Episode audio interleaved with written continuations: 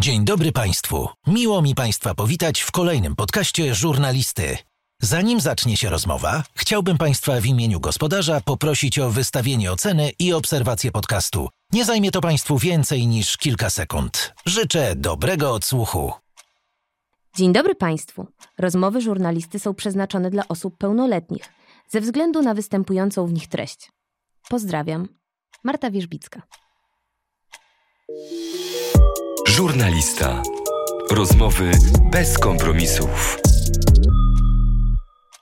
Podcast napędzany przez Lab One. Dzisiaj u mnie Reto. Dzień dobry. Siema. W utworze, który bardzo lubię, Cytrynowe Niebo, są takie wersy, od których warto zacząć tę rozmowę. Ty lepiej mnie nie pytaj, jak nie wiesz, czy chcesz wiedzieć, czasami lepiej jest nie wnikać, troszcząc się o siebie. Ja się chętnie dowiem, dlaczego udzielasz tak mało wywiadów? Dlaczego ciebie tak mało w tej przestrzeni? Wiesz co, może to jest kwestia tego, że mm, swego czasu udzieliłem ich może zbyt wiele i to nie zbyt wiele na takiej zasadzie, żeby miało mi to zaszkodzić, Mhm. ale zorientowałem się, że mm, chodzenie od osoby do osoby i odpowiadania summa summarum gdzieś tam na te same Mhm. pytania, które w pewnym momencie się powtarzają, mm, nie ma sensu. A kolejna sprawa, tak jak już wcześniej sobie rozmawialiśmy, zanim zaczęliśmy naszą rozmowę, wydaje mi się, że ja na tyle się uzewnętrzniam w swoich utworach i na tyle tam Mhm. mówię, gdzie jestem w stanie powiedzieć często więcej niż w życiu prywatnym, że nie zawsze trzeba dużo do tego dopowiadać. Dlaczego w twoim życiu tak ważny był twój pradziadek? Mm, pradziadek, Mhm. Bo powiedziałeś, że gdybyś mógł spędzić go do, godzinę z dowolną osobą, e, której już nie ma, to powiedziałeś, że z twoim pradziadkiem. wiesz co, chyba dlatego, że e, zdążyłem go poznać, a nie tak bardzo, albo in, nie do, nie tak intensywnie, jakbym Mhm. chciał. O, dlatego, że mój dziadek, mój pradziadek zmarł w wieku w ogóle był bardzo e, no leciwym gościem, Mhm. bo dożył, żebym teraz nie skłamał, 95-96 lat To sporo. przeżył drugą wojnę światową i e, no jeszcze do ostatnich dni, kiedy w ogóle poruszał się o własnych siłach, o lasce, bo o lasce, ale o własnych siłach opowiadał o, o, tych, e, o tych różnych rzeczach, które tam się działy. Mm, Znowu ja byłem wtedy bardzo młody i wydaje mi się, że gdybym miał teraz możliwość z nim porozmawiać, to miałbym parę pytań do niego, albo chciałbym z nim porozmawiać o paru rzeczach już z perspektywy starszego gościa, bo, bo wydaje mi się, że jego przeżycia i, i, i fakt faktem oczywiście w innych czasach mogłyby mi być w pewnych kwestiach pomocne. Mhm. Albo inaczej, albo może to jest kwestia czegoś takiego, że mam wrażenie, że mi trochę to uciekło. W sensie, wiesz co chodzi? Pamiętam pradziadka, tak zajebiście, bo wiele osób no, nie widziało w ogóle, albo nie poznało swojego pradziadka. Ale pamiętam go jakby, ale jak przez mgłę. A, a, a chyba, no powiedzmy, że został taki niedosyt tej relacji. A dziadkowie byli ważni w twoim życiu? Mm. Wiesz, co zależy? W ogóle mój dziadek, e, jeden, jeden z dziadków w ogóle zmarł, zanim się urodziłem, Mhm. więc go nie poznałem. Znowu ten dziadek, który był synem tego pradziadka, e, pojechał na emigrację do Stanów, więc e, syna mojego pradziadka, czyli mojego dziadka, poznałem gdzieś w wieku 9 lat. Mi się wydaje, że w ogóle mój dziadek pierwszy raz przyleciał do Polski na moją komunię albo na komunię mojego brata. Tak, mam, mam komunię świętą. 9 lat to akurat jak zaczynałeś coś tam powoli pisać. To może po prostu dobry, odpowiedni Mhm. moment e, się zjawił. No, ja w ogóle powiem ci, pamiętam jak dziś i do tej pory, chociaż już teraz jak polatałem to mniej, ale do tej pory lotnisko jest dla mnie trochę takim mistycznym miejscem, Mhm. bo e, pamiętam jak jechaliśmy z rodzicami przywitać dziadka, wiesz, dziadka, Mhm. którego ja wcześniej jakby słyszałem przez telefon, dostawałem paczki gdzieś tam od niego, wiesz, Mhm. fajnie, bo jeszcze kurwa w Polsce nie było na przykład Pringlesów, tak, no i na przykład jak przyszła paczka Pringlesów, to pamiętam mama wydzielała mi po 4-5 dziennie, żebym zjadł, żebym miał na dłużej, wiesz, wspomniając fakt, że byłem grubasem, więc warto było mi to wydzielać, ale... E, ale przez mistycyzm chyba postaci mojego dziadka, no to kiedy ja czekałem na tym lotnisku, wiesz, w tym, w tym punkcie Mhm. Gdzie są przyloty i czekałem, aż mój dziadek wyjdzie e, z, z tych drzwi i go zobaczę, no to miałem wrażenie, jakby no, jeszcze przyleciał samolotem, tak, wręcz jakby z nieba do mnie przyleciał, No tak? tak. Nigdy go nie było i przylatuje dziadek jakby jest, nie? Więc e, rozkminiam na ile na przykład to powiązanie, że, że na poznanie dziadka Mhm. tego tak długo czekałem, a drugiego nigdy nie poznałem, to może to powoduje, że, że wewnętrznie gdzieś brakowało mi dłuższej relacji z tym pradziadkiem, który jednak był jakby, albo inaczej, Mhm. ona była, ale, ale w za młodym wieku, żebym mógł ją docenić. A ty lubisz na przykład grzebać w takich relacjach, odszukując też siebie? Nigdy tego nie robiłem. No to interesujące. A jak wyglądał w ogóle tamten dom, w którym się wychowywałeś? No powiedzmy do tego okresu, kiedy miałeś 9 lat. Mhm. Pamiętasz dużo z tamtego czasu? Eee, kurde, wiesz co, ja mam w ogóle problem przez fakt, że u mnie to dzieciństwo dzieli się na takie weselsze i mniej wesołe, Mhm. to ja mam zawsze problem rozgraniczyć e, trochę kiedy co się zaczęło. W sensie, mm, nie no, 9 lat to jeszcze, to jeszcze był ten fajny okres, więc e, no dom. Mm, Masz na myśli atmosferę tam panującą? I zacznijmy, czy... zacznijmy od atmosfery, a potem przejdziemy do Mhm. samej architektury. U mnie w ogóle zawsze było tak, że bardziej chyba do pewnego momentu to mama była od wychowywania, a ojciec od rozpieszczania. Mhm. E, do pewnego momentu, bo to się tam potem zaczęło rozjeżdżać. E, ale jakby nie patrzeć do, do tego powiedzmy wieku wczesnoszkolnego, Mhm. Było okej. Ja też nie byłem, poza tym, że byłem zawsze dzieciakiem, który miał swoje zdanie i je wyrażał i, i powiedzmy, że z tego miałem, przez to miałem na po samym początku głównie problemy w szkole. Mhm. A po kim to Bo- odziedziczyłeś? Wydaje mi się, że po mamie. Mhm. po mamie i to jest takie połączenie trochę trochę i mojej mamy i mojej babci właśnie babci mamy mamy nie? E, moja mama w ogóle mi też mówi, że ja miałem w dzieciństwie już takie fazy na takie mm, trochę dyktowanie, trochę rządzenie, że nawet w, w piaskownicy można było mnie przyłapać na tym, że ja mówiłem koledze, ty słuchaj, ty bierzesz teraz ten samochodzik i będziesz jeździł tutaj, tak? Za to ciebie poproszę, żebyś jeździł tu, a ja biorę grabki i robię Mhm. to. Wiesz o co chodzi? Szef. E, tak, lubiłem coś tam sobie porządzić. Mm, ale, ale raczej, ra, raczej pozytywnie wspominam tamte, tamte czasy. Potem, no jakby, jakby nie patrzeć, ja już wszedłem też w, w okres buntu, tak? No potem się pojawia ten, ten moment, nie wiem od kiedy możemy nazwać, określić ten moment buntu młodzieńczego. Chyba u, 13, cie, u ciebie chyba szybko no, nastąpił. sz- szybciutko.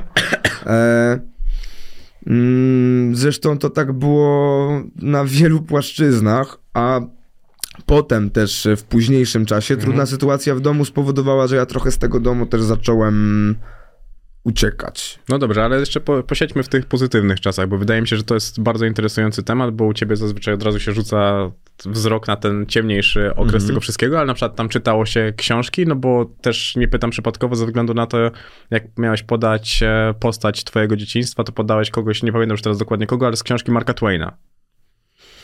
Więc nie wiem, czy sobie to, to wymyśliłeś, czy po prostu to było Czekaj, też tak, czekaj, czekaj, czekaj. E, mówi, e, żebyśmy też sprecyzowali. Znaczy w ogóle tak, książki były czytane, bo moja mama czyta. Moja Mhm. mama czyta, ja zawsze lubiła czytać. E, nie że pamiętam. Tomek... E, Tomek Sawyer. możliwe. Tak? Tak, tak, tak. Tak, ale to przez to, że to była jedyna lektura szkolna, którą przeczytałem w podstawówce. Okej, myślałem, że to jest E, bardziej złożone. E, ale wiesz co, tak, bo mm, też wydaje mi się, że nieprzypadkowa akurat ta książka, bo mm, pamiętajmy, że zawsze jest coś takiego w każdej rodzinie, nie, że sypie się, bo się sypie. Ja teraz też nie będę Mhm. mocno wchodził na swoje kwestie, że tak powiem, cofając się w kwestie, kwestie rodzinne i prywatne, Mhm. no ale pamiętajmy, że e, czasem między rodzicami się sypie na jakimś etapie, a dziecko dostrzega to dopiero za jakiś czas. Wiesz o co chodzi? Mhm. Czuje i wyczuwa wcześniej. I to już jest taki okres, powiedzmy, nieciekawy. Za to mm, ten moment, kiedy jesteś już świadomy, jest dużo później. Więc powiedzmy, Mhm. że ten moment świadomości już i, i takiej otwartej walki z pewnymi rzeczami, które zaczęły się dziać u mnie w domu, e, to jedno. E, a za to odczuwanie pewnych kwestii, takie może mm, wewnętrzne mm, przebywanie z samym sobą i samymi myślami e, spowodowało, że akurat ta książka do mnie trafiła, bo jakby nie patrzeć, to jest e, ciekawa lektura. Ja teraz nie będę się do niej też odwoływał, Mhm. bo nie miałem jej bardzo dawno w rękach. E, no ale pamiętam, że powiedzmy ten Tomek Sawyer był takim moim e, kolegą wtedy, nie? Mm, Do mnie też to po prostu zastanawiało w takim odniesieniu, że jeżeli masz 9 lat i gdzieś tam w ogóle jakikolwiek pojawia się w tobie pomysł pisania, to chyba albo muszą być gdzieś w domu książki, musi być kultura, no bo nie są to przypadkowe zainteresowania przeciętnego Mhm. dziewięciolatka. Dlatego też pytałem, jak wyglądał ten dom. A, rozumiem. W sensie tutaj przekładasz ten jakby...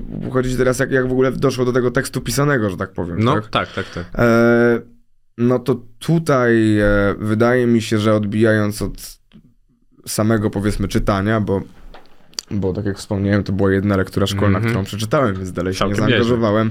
Raczej, raczej byłem wtedy na, na, na takim etapie, że książki B. E, no ale mm, pamiętam jak e, mi w ogóle dość mocno może nie imponował, ale mm, lubiłem podpinać się do towarzystwa mojego starszego brata ciotecznego, bo rodzonego brata nie mam, ale mam brata ciotecznego, który mieszkał ośkę w ośkę ze mną, jakby przedzielała Mhm. nas jakby ulica. No i to typowo były wtedy, wiesz, e, te czasy, że chłopaki luźne bluzy, spodnie klinika i tak dalej. Mhm. E, no a ja miałem swoje towarzystwo jak najbardziej, ale zawsze też byłem takim gościem, który miał trochę swój świat, swoje kredki, bo na przykład e, no, kiedy moi koledzy grali w piłkę, ja piłkowy za to nie byłem. W pewnym wieku sam byłem jak piłka, e, więc na przykład, nie wiem, ja lubiłem rower, nie? Mhm. Więc moi koledzy grali w piłkę, ja napierdalałem okrążenia na rowerze wokół boiska i wiesz, jakby trochę razem, trochę osobno. Więc, e, więc na tym rowerze sobie przemierzałem czasem e, to tu, to tam odległości na, na, na jedno albo drugie osiedle. Tego może nawet chyba też kiedyś w jednym wywiadzie powiedziałem, zapytany co robię dobrze, że dobrze jeżdżę na rowerze. Tak, tak, to było coś. Po killerze, tak, no, bo to... E, to było takie moje zajęcie z dzieciństwa. No ale jakby nie patrzeć, podłączałem się do mm, mojego brata i do jego ekipy. No oni wszyscy wtedy słuchali rapu. W tym było dwóch e, ziomali, którzy stawiali swoje pierwsze kroki, ba, nawet mieli już, no powiedzmy, no dla mnie wtedy jako, wiesz, 9, 10, no nie wiem, ilu, 11-letniego chłopaka, naprawdę już osiągnięcia, czyli mieli nagraną płytę CD, na której były utwory, tak, i powiedzmy ich 15 kolegów te płyty miało i słuchało tego w samochodach, nie? I pamiętam, że mi w ogóle bardzo spodobał się ten gatunek, kiedy pokazał mi go brat. Pamiętam, że na samym początku w ogóle podjarałem się wulgarnością tego wszystkiego i nie wiem na ile jarała mnie wulgarność, czyli wiesz, słanie kurew, Mhm. a na ile może zauważyłem w tym możliwość uwolnienia pewnych rzeczy, pewnych e, odblokowania pewnych zakazów, tego nie wolno, tamtego nie wolno, jakby trzymania też pewnych emocji w sobie, no to tutaj pojawia się mm, ktoś, kto napierdala, no nie powiem teraz konkretnie jakiejś ksywki, a powiedzmy Mhm. raper, tak, który leci po kolei wszystko, co czuje z kurwami, nie kurwami i jest to szczere, jest to prawdziwe, ja to czuję. I wiadomo, byłem dzieciakiem, więc nie mogłem zrozumieć tych tekstów bezpośrednio, jakby, wiesz, jeden do jeden, Mhm. ale wydaje mi się, że ta muzyka w jakiś sposób do mnie trafiła. Za to obecność tych chłopaków w towarzystwie mojego brata pokazała mi, że można to też robić. Że poza tym, że można tego słuchać i, i że to mi daje ukojenie, wiesz, na takiej zasadzie jak idziesz na trening, tak, i wybierasz sobie powiedzmy taki i taki numer, automatycznie dostajesz powera i tak dalej. To powiedzmy, ja słuchałem muzyki i ona pozwalała mi coś przeżywać, a w pewnym momencie zauważyłem, że jeśli zacznę ją robić, to będę mógł uwalniać to jeszcze intensywnie. No to musiało być też w tobie dużo niezgody, dużo poczucia niesprawiedliwości, tego, że musisz coś wyrzucić z siebie. Byłeś No, emocjonalnym tak. dzieckiem? Emocjonalne dziecko znaczy. Wrażliwe. Chociażby, no bo jak dojść gdzieś tę drogę Mi się artystyczną... wydaje, że ja zawsze w jakiś sposób byłem, e, byłem w ogóle emocjonalny i byłem też empatyczny, Mhm. a nie zawsze potrafiłem dostać sam tyle empatii, ile bym może oczekiwał, nie? Ja też w latach szkolnych to, nie wiem, poruszałem gdzieś chyba ten temat, czy w tekstach, czy nie, no ale byłem osobą dość otyłą. Mhm, tak. Mm, więc, Kiedyś byłem dla ciebie gorszy, bo byłem gruby. Tak. No i e, powiedzmy, zawsze się śmieję, że tak wiesz, w cudzysłowie jakby wiele tych powiedzmy dziewczyn, które teraz byłyby zainteresowane e, spotkaniem ze mną w latach szkolnych, pewnie w ogóle nawet by nie podało mi ręki, nie? No, więc, e, więc fajnie, że teraz ja też im nie podam czego innego. No ale e, odbijając od tego, e, o czym mówiliśmy? Mówiliśmy o tym, czy byłeś emocjonalny, wrażliwy Tak. i empatyczny. że byłem e, i emocjonalny, i, i empatyczny. E, I wydaje mi się, że w jakiś sposób też e, narastała we mnie taka skorupa, gdzie najpierw czułem się do pewnego momentu, wydaje mi się, że. Znaczy, nie oszukujmy się, dzieci są brutalne, jakby, nie? Znaczy, Dużo bardziej niż brutalne- dorośli. tak, bo są po prostu bezpośrednie, Mhm. szczere i tak dalej.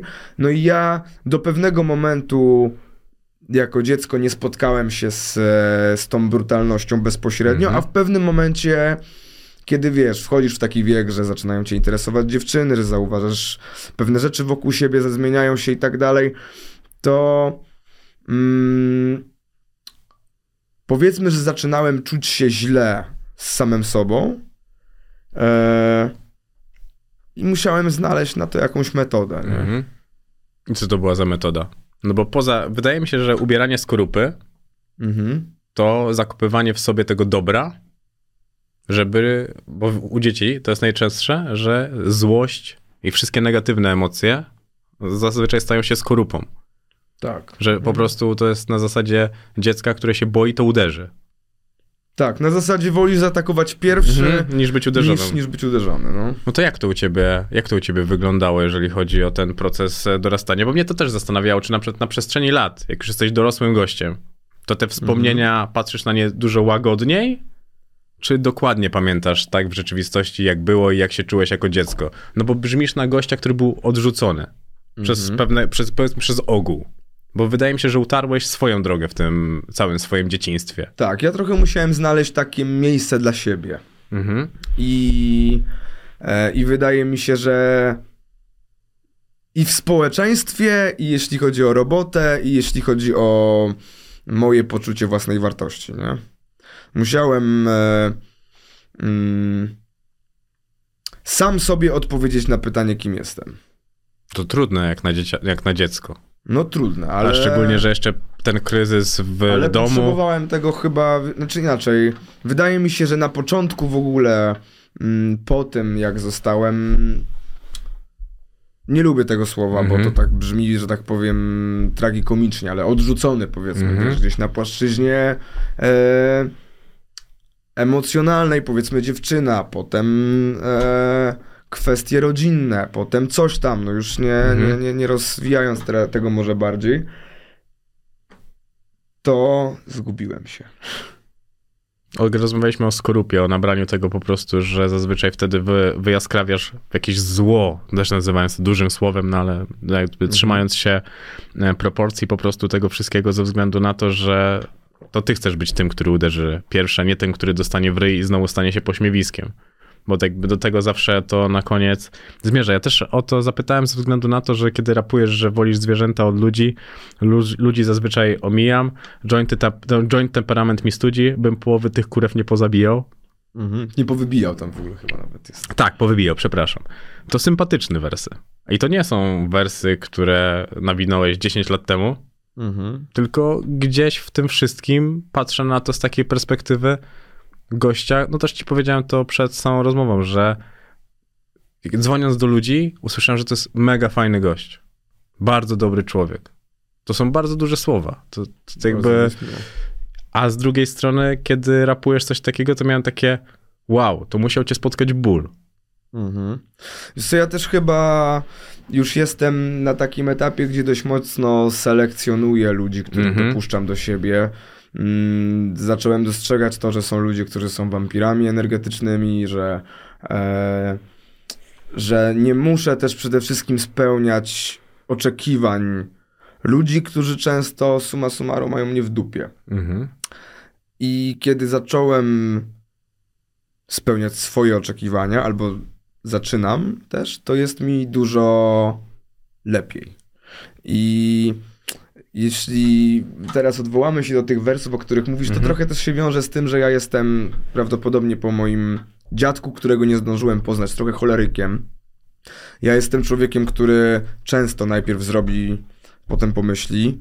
E, często mówię w gniewie rzeczy, za które jest mi potem wstyd. Inaczej. Tak było częściej Mhm. kiedyś, tak teraz już jest mniej. E, czasem się śmieję do moich znajomych w trakcie, w, gdzieś tam czasem jak siedzimy, że gdybym ja od wielu lat nie palił marihuany, to już dawno bym siedział, ale nie za marihuanę, tylko po prostu za jakieś inne złe rzeczy. E, bo, bo w jakiś sposób em, wydaje mi się, że przebodźcowanie powoduje, że, e, że potrzebuję takiego kagańca. No a jeśli chodzi o ludzi, e, to pamiętajmy, że no co innego ludzie, jako ludzie, jak kiedy Mhm. mówimy o nich, wiesz, tak jak ogólnie, a jako kiedy mówimy o moich ludziach, o ludziach, którzy są ze mną gdzieś tam blisko od lat, bądź, e, bądź wydarzyło się czasem coś, bo, bo nie mówię, że mam Mhm. tylko znajomych, których mam powiedzmy, e, wiesz, od dziecka na przykład, tak? Ale no wiesz, jak się zawiera znajomości. Czasem Mhm. po prostu pojawia się w twoim życiu ktoś, kto, kto zasłuży na to, żeby w nim zostać, czy, czy zostaje na No dłużej. albo po prostu i- jest czasami tak i to działa. Tak, no, zażrę, bo, bo pojawiają się wspólne tematy, wspólna wizja i, i, i tyle, nie? Więc wydaje mi się, że ja lubię tych ludzi, których do, do siebie po prostu dopuszczam, nie? No zupełnie, zupełnie naturalna kolej rzeczy. A zawsze miałeś w sobie artystę? Jak spojrzysz wstecz, no bo siłą rzeczy, gdy byłeś dzieckiem, mogłeś tego nie dostrzegać. A dzisiaj, kiedy masz popatrzeć na tego chłopaka, którym byłeś, byłeś artystą? Nie lubię tego słowa w ogóle, znaczy inaczej, mi jest Jesteś w każdym tak, calu e, artystą. Jakby tutaj nie ma w ogóle dyskusji. Ja zawsze mówię twórca jakby, o, na takiej zasadzie, nie? Twórcą jest Nitro. E, no to każdy z nas coś No, tworzy, każdy dobrze. ma swój kontekst, nie? jakby nie patrzeć. E, inaczej, nie wiem, czy zawsze byłem artystą, wiem, że nigdy nie miałem planu B, albo inaczej, nigdy nie chciałem mieć planu B. Mhm. Zawsze byłem tak zdeterminowany, tak pewny tego, że jakby to chcę robić, że cały czas całą swoją uwagę, niezależnie od tego, czym się zajmowałem pobocznie, czy wiesz, niezależnie, ja też pamiętam, w, jak ja chodziłem do liceum, to były takie memy, że każdy ma jakiegoś znajomego rapera jakby. Tak, tak, Nie? tak, tak, I, tak. I jakby powiedzmy, że ja w uderzeniu tego też, powiedzmy, dalej e, robiłem swoje konsekwentnie, zakładając, że mam tylko jeden plan. Mhm. No i ten plan wypalił. Ale zagrałeś e, trochę w wabank. Jak akceptowała to twoja mama? Na początku, No, to może być najciekawsze. na początku, że tak powiem, nie bardzo. znaczy nie bardzo, bo e, no, biorąc pod uwagę, że tak jak już zaczęliśmy, nie miała ze mną e, lekko, Mhm. Ja byłem raczej takim, no, zbuntowanym nastolatkiem, uciekającym od tego, co się działo w domu i też teraz czasem myślę, że wydaje mi się, że wiele razy, kiedy uciekłem, to powinienem wrócić, żeby chociażby wykazać się wsparciem wobec matki. Mhm. Mm, No ale, ale nie było ze mną łatwo i zgubiłem się. Jak mama to akceptowała, żeby A, mieć tylko jeden plan? akceptowała, więc e, no wiesz, na początku nie oszukujmy się, że to była dla niej forma jakiegoś kolej, kolejnego wybryku najprawdopodobniej, Mhm. czegoś, co ja sobie wymyśliłem, zresztą no nie oszukujmy się, pokolenie mojej mamy mm, słuchało rocka, słuchało, nie wiem, No jazzu, perfekt, tak, kombi i tak Perfect. dalej. to też, nie oszukujmy się, to w ogóle były, no kurwa, zespoły, które też w swoich czasach miały bardzo duże znaczenie i też były, jakby nie patrzeć, uważam, może nie przez słanie kurew i ja pierdolę, ale wulgarne, tak, Mhm. bo walczyły z władzą i tak i dalej. tak E, no tutaj się pojawia trochę inna forma wulgarności. E, no i na początku, na początku nie bardzo, ale moja mama też jest takim człowiekiem, że wydaje mi się, że jej zależało zawsze, żeby Zależało jej, żeby być jak najlepszą Mhm. matką. O, po prostu. Zależało jej chyba na tym, żeby, nie chyba, na pewno, żeby dać mi jak najwięcej od siebie tylko może. E... I z biegiem czasu zaczęła dostrzegać, jak to jest dla mnie ważne i też chyba jak ja się wyrażam, siebie wyrażam Mhm. poprzez to. Może w ogóle najlepiej będzie, jak użyję pewnego przykładu. kiedyś e, w szkole no, odbywało się kolejne to z rzędu zebranie. I Jakby ja byłem przyzwyczajony do Mhm. tego, że średnio moja mama wracała 3-4 godziny po pozostałych rodzicach. No. Więc miałem w ogóle, zawsze miałem kolegę z osiedla, z którym e, siedzieliśmy gdzieś tam na, na SMS-ach. Jak jego mama wróciła, to ja już wiedziałem, że plus minus 2-2,5 godziny mogę sobie doliczyć ona i moja mama też będzie. Mhm.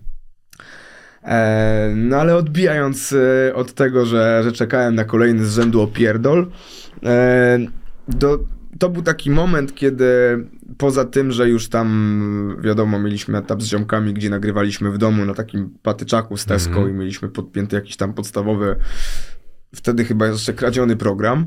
E, Pierwszy raz e, mieliśmy możliwość pojechać do Sekunda Studio. To było takie dla nas na tamten, na tamten moment pierwsze profesjonalne studio, w którym ja mogłem nagrywać. I to było studio właśnie tych ziomali, którzy wcześniej robili Mhm. rap blok ode, jakby dwa bloki ode mnie.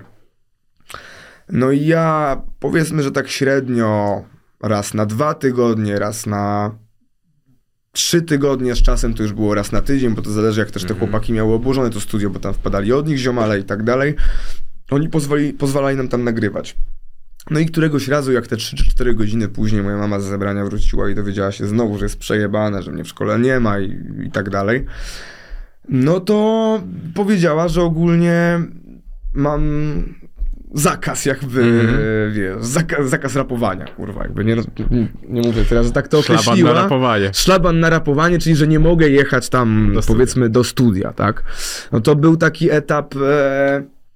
No my jeszcze byliśmy dzieciakami, więc to było takie, wiesz, to, to był taki etap, gdzie jeszcze, no wiadomo, rodzic ma nad tobą taką władzę, no że gdzieś tam jesteś jeszcze u Mhm. niego częściowo na garnuszku, no ale znowu jesteś już, kurwa, jak jesteś narwanym małolatem, no to wiadomo, że jak coś sobie wymyślisz, to to też tak mm, różnie bywa, więc możesz się zbuntować. No odbijając od tego, ja miałem wcześniej inną zajawkę. W latach takich powiedzmy szkoła podstawowa, mm, gimnazjum, bo teraz Mhm. to o szlabanach na studio, to już mówię powiedzmy gdzieś tam e, o próbach blokowania tego studia, to już mówię powiedzmy niby w tych czasach gimnazjalno-licealnych, tak? E, ale wcześniej miałem zajawkę, chodziłem, najpierw chodziłem, bo chciałem na kółko teatralne, potem chodziłem, bo musiałem poprawić ocenę za zachowanie. No ale, ale nie powiem, było w tym coś, co mi się podobało. Mhm. Mm, I w ogóle moja mama to czasem rozkminiała, czy, czy ja na przykład nie chciałbym swojej, powiedzmy swojej drogi Mhm. poprowadzić na przykład w tę stronę i tak dalej, bo widziała, że to były takie zajęcia szkolne, na które poza, wiesz, tym, co było obowiązkowe, Mhm. ja faktycznie zdarzało mi się zostać po lekcjach i na to kółko teatralne iść. No i któregoś dnia przyszedłem do mojej mamy, nie? No i mówię, no mówię, mama, słuchaj, no bo mam bana na rapowanie, nie? No ona, no masz. No mówię, no ale to jest jakby, nie patrzeć, to nie jest granie na komputerze, tak? To nie jest, e, no nie wiem, siedzenie z Mhm. browarem z kolegami, tak? To jest coś dla mnie ważnego, coś jakby przez co ja siebie wyrażam. No Mhm. wtedy jako dzieciak użyłem innych słów, nie? I zadałem jej pytanie, mówię, czy gdybym ja nie, nie zajarał się jednak muzyką, tylko dalej tak jak w podstawówce, chodziłbym teraz na kółko teatralne i teraz zamiast po lekcjach zapierdalać do studia, jechałbym do teatru i miał tam jako jakiś tam, wiesz, grałbym drzewo numer 5, kurwa, cokolwiek, Mhm. ale powiedzmy, mm, wiesz o co chodzi, rozwijałbym się pod względem teatralnym, to czy po tym, jak teraz wróciłaś po tych trzech godzinach, jak nasłuchałaś się od Mhm. tego, tego i tamtego, co nie narobiłem, to czy zablokowałaś byś mnie, żebym ja do tego teatru pojechał na te lekcje? No i mama odpowiedziała mi, że nie. A następnie powiedziała jedź. No Ale to kręcić, to ty potrafiłeś genialnie, kurde, w No młodszych pojechałem lat. do studia, no i skończył się szlaban na rapowanie, nie? Kręcić potrafiłeś niewiarygodnie. I jeszcze tylko dodam, że kwestionowałeś to, czy, czy jesteś artystą. No to nawet to kółko teatralne i to, że sprawiało ci jakikolwiek, to jakąkolwiek przyjemność pokazuje, że ty miałeś to zawsze. To ten twój wizerunek, to cała twoja persona, ona zawsze trochę w jakiś sposób była teatralna. Ona była wyróżniająca się, ona była ryzykowna, ja bym nawet to powiedział, że w środowisku hip-hopowym doskonale na pewno pamiętasz swoje początki, Tak. to były bardzo ciekawe początki, bo to było takie na początku, że o co tu kurwa chodzi.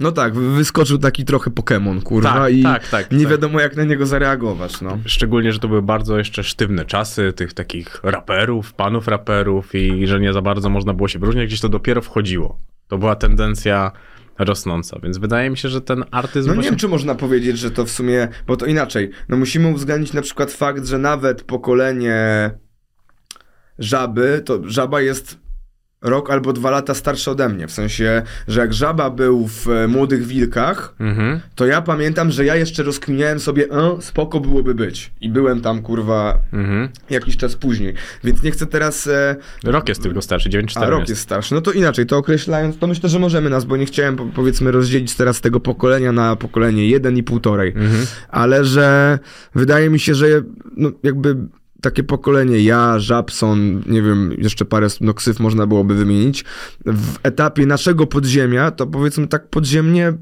wprowadzaliśmy new school, jakby, wiesz o co Mhm, chodzi? tak. Czyli to nowe brzmienie, nowe brzmienie, które już w tym momencie jakby jest... E, no nie old schoolem jakby, ale już wiesz o co chodzi, No Baz, jest to- bazuje się na To tym. jest tak jak jakby, z nie? Góralem, że Góral był kiedyś takim newschoolowym raperem, że, a wiesz, a teraz to nie powiedziałbyś, że to jest newschool, to co robi Góral. tak, tak. I to jest No. dokładnie, ten, dokładnie ten sam model i wydaje mi się, że po prostu to jest pewnego rodzaju pokolenie, które już się wyciera i wchodzi w taką prawdziwą dorosłość.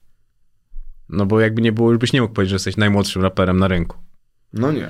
Chociaż e, powiem ci, że po tej e, powiedzmy teraz mojej transformacji, Mhm. to ja w ogóle czuję się przy Styksie, jak kończyłem w ogóle robić tą płytę, jak e, czułem tę energię, która mi towarzyszyła i, i, i, i, i, to, i to wszystko, to ja w ogóle czuję się jakbym debiutował. Nie dziwię się. Bo to jest płyta dla takiego odbiorcy jak ja. Tak bardzo takiego odbiorcy jak e, ja. Że już dla mnie to są jedne. To jest płyta o ważnych rzeczach. To jest płyta, która widać, że wyobrażał sobie, jak ją rapowałeś. Ona jest zarapowana. Ona jest bardzo dobrze zarapowana. Ona ma jeden, jest dla mnie, to jest coś powiedziałem też przed rozmową, że to jest, słychać, że to jest jeden producent, że to jest bardzo ładnie zrobione. To jest e, tak, jakby ta szaleńcza młodość, ale w wizji doro, dorosłego gościa. Ja bym tak gdzieś to interpretował. tak, to jest naprawdę bardzo, bardzo dobra płyta. Mm, I, I wydaje mi się też, że zupełnie różna. Ale też nie określałbym tamtych nigdy jako gorszych, tylko z, z, Mhm. zu, zupełnie innych. Nie, no to jest zawsze kwestia no, etapów, budujesz coś, jakby, Mhm. jakby nie patrzeć. Uważam, że tamte płyty, chociaż są osobnym bytem, to, no to są pewnego rodzaju budulcem, czyli gdybym ich nie nagrał, nie, No, nie no zdobyłbym tak, no, doświadczenia i pe pewnych rzeczy też jakby potrzebnych do zrobienia tej płyty, którą zresztą dzisiaj No, to jest płyta, na której chociażby można usłyszeć, że jak ktoś się jarał Bosmanem, to na tej płycie ja- nadal słyszę to, co tam mi się podobało i tylko Mhm. i wyłącznie w perspektywie tego, że po prostu się rozwinąłeś, jesteś dużo dalej i patrzysz na świat innymi oczami. Ale wyszliśmy z wątku twojej mamy. Dużo rapujesz o niej i ciekawi mnie, jaka ona jest. Mhm. Zajebista. Nie no, myślę, że mm. przede wszystkim moja mama jest twardą babką. E, niedużego wzrostu, przepraszam, niskiego wzrostu, a zawsze śmie, śmieję się, że mm, no te, teraz akurat już nie, bo już dawno e, jakby wkroczyłem, wiesz, e, jesteśmy na, takiej, na takim etapie relacji, gdzie, Mhm. gdzie raczej nie żremy kotów, ale, ale pamiętam, że jeszcze w takich czasach, kiedy ja byłem tym z, zbuntowanym gnojem i już byłem od niej wyższy, Mhm. to jak zaczynała na mnie krzyczeć, to nagle się robiłem głowę niższy od niej, jakby, nie? Okej. Więc, e, więc, e, więc jest taką, powiedzmy, kobietą z jajami. Ale musiała często przez ciebie płakać, czy mama była osobą, która nie okazywała takich emocji? E, wiesz co, wydaje mi się, że zdarzyło się, ale moja mama chyba raczej dbała o to, żebym ja nie widział takich rzeczy. I, I tu nawet nie będę mówił w kwestii, czy, czy przeze mnie, czy nie przeze mnie, e, ale raczej częściej to słyszałem niż widziałem. Dobrze, to interesująca jest kwestia mamy, to jest ogólnie to jest y, szeroki wątek, naprawdę bardzo ładnie. Tak, no to musielibyśmy się wiesz, spotkać przy butelce wódki. Tak no. Ale- Ale też nie o wszystkim chciałbym gadać, bo wiadomo. Dobrze, ale, jest ale jest jeden, jeden wątek, który chcę poruszyć ze względu na to, że on jest moim zdaniem budulcem twojej kariery i twojego bólu. Mhm. Tata. Bo rapujesz o tym, że jakby tata cię okłamał, ale okłamał cię dlatego, że wszyscy kłamią i zostawiło to w tobie siłę. Mhm. To zacznijmy od tego, jaką to zostawiło siłę.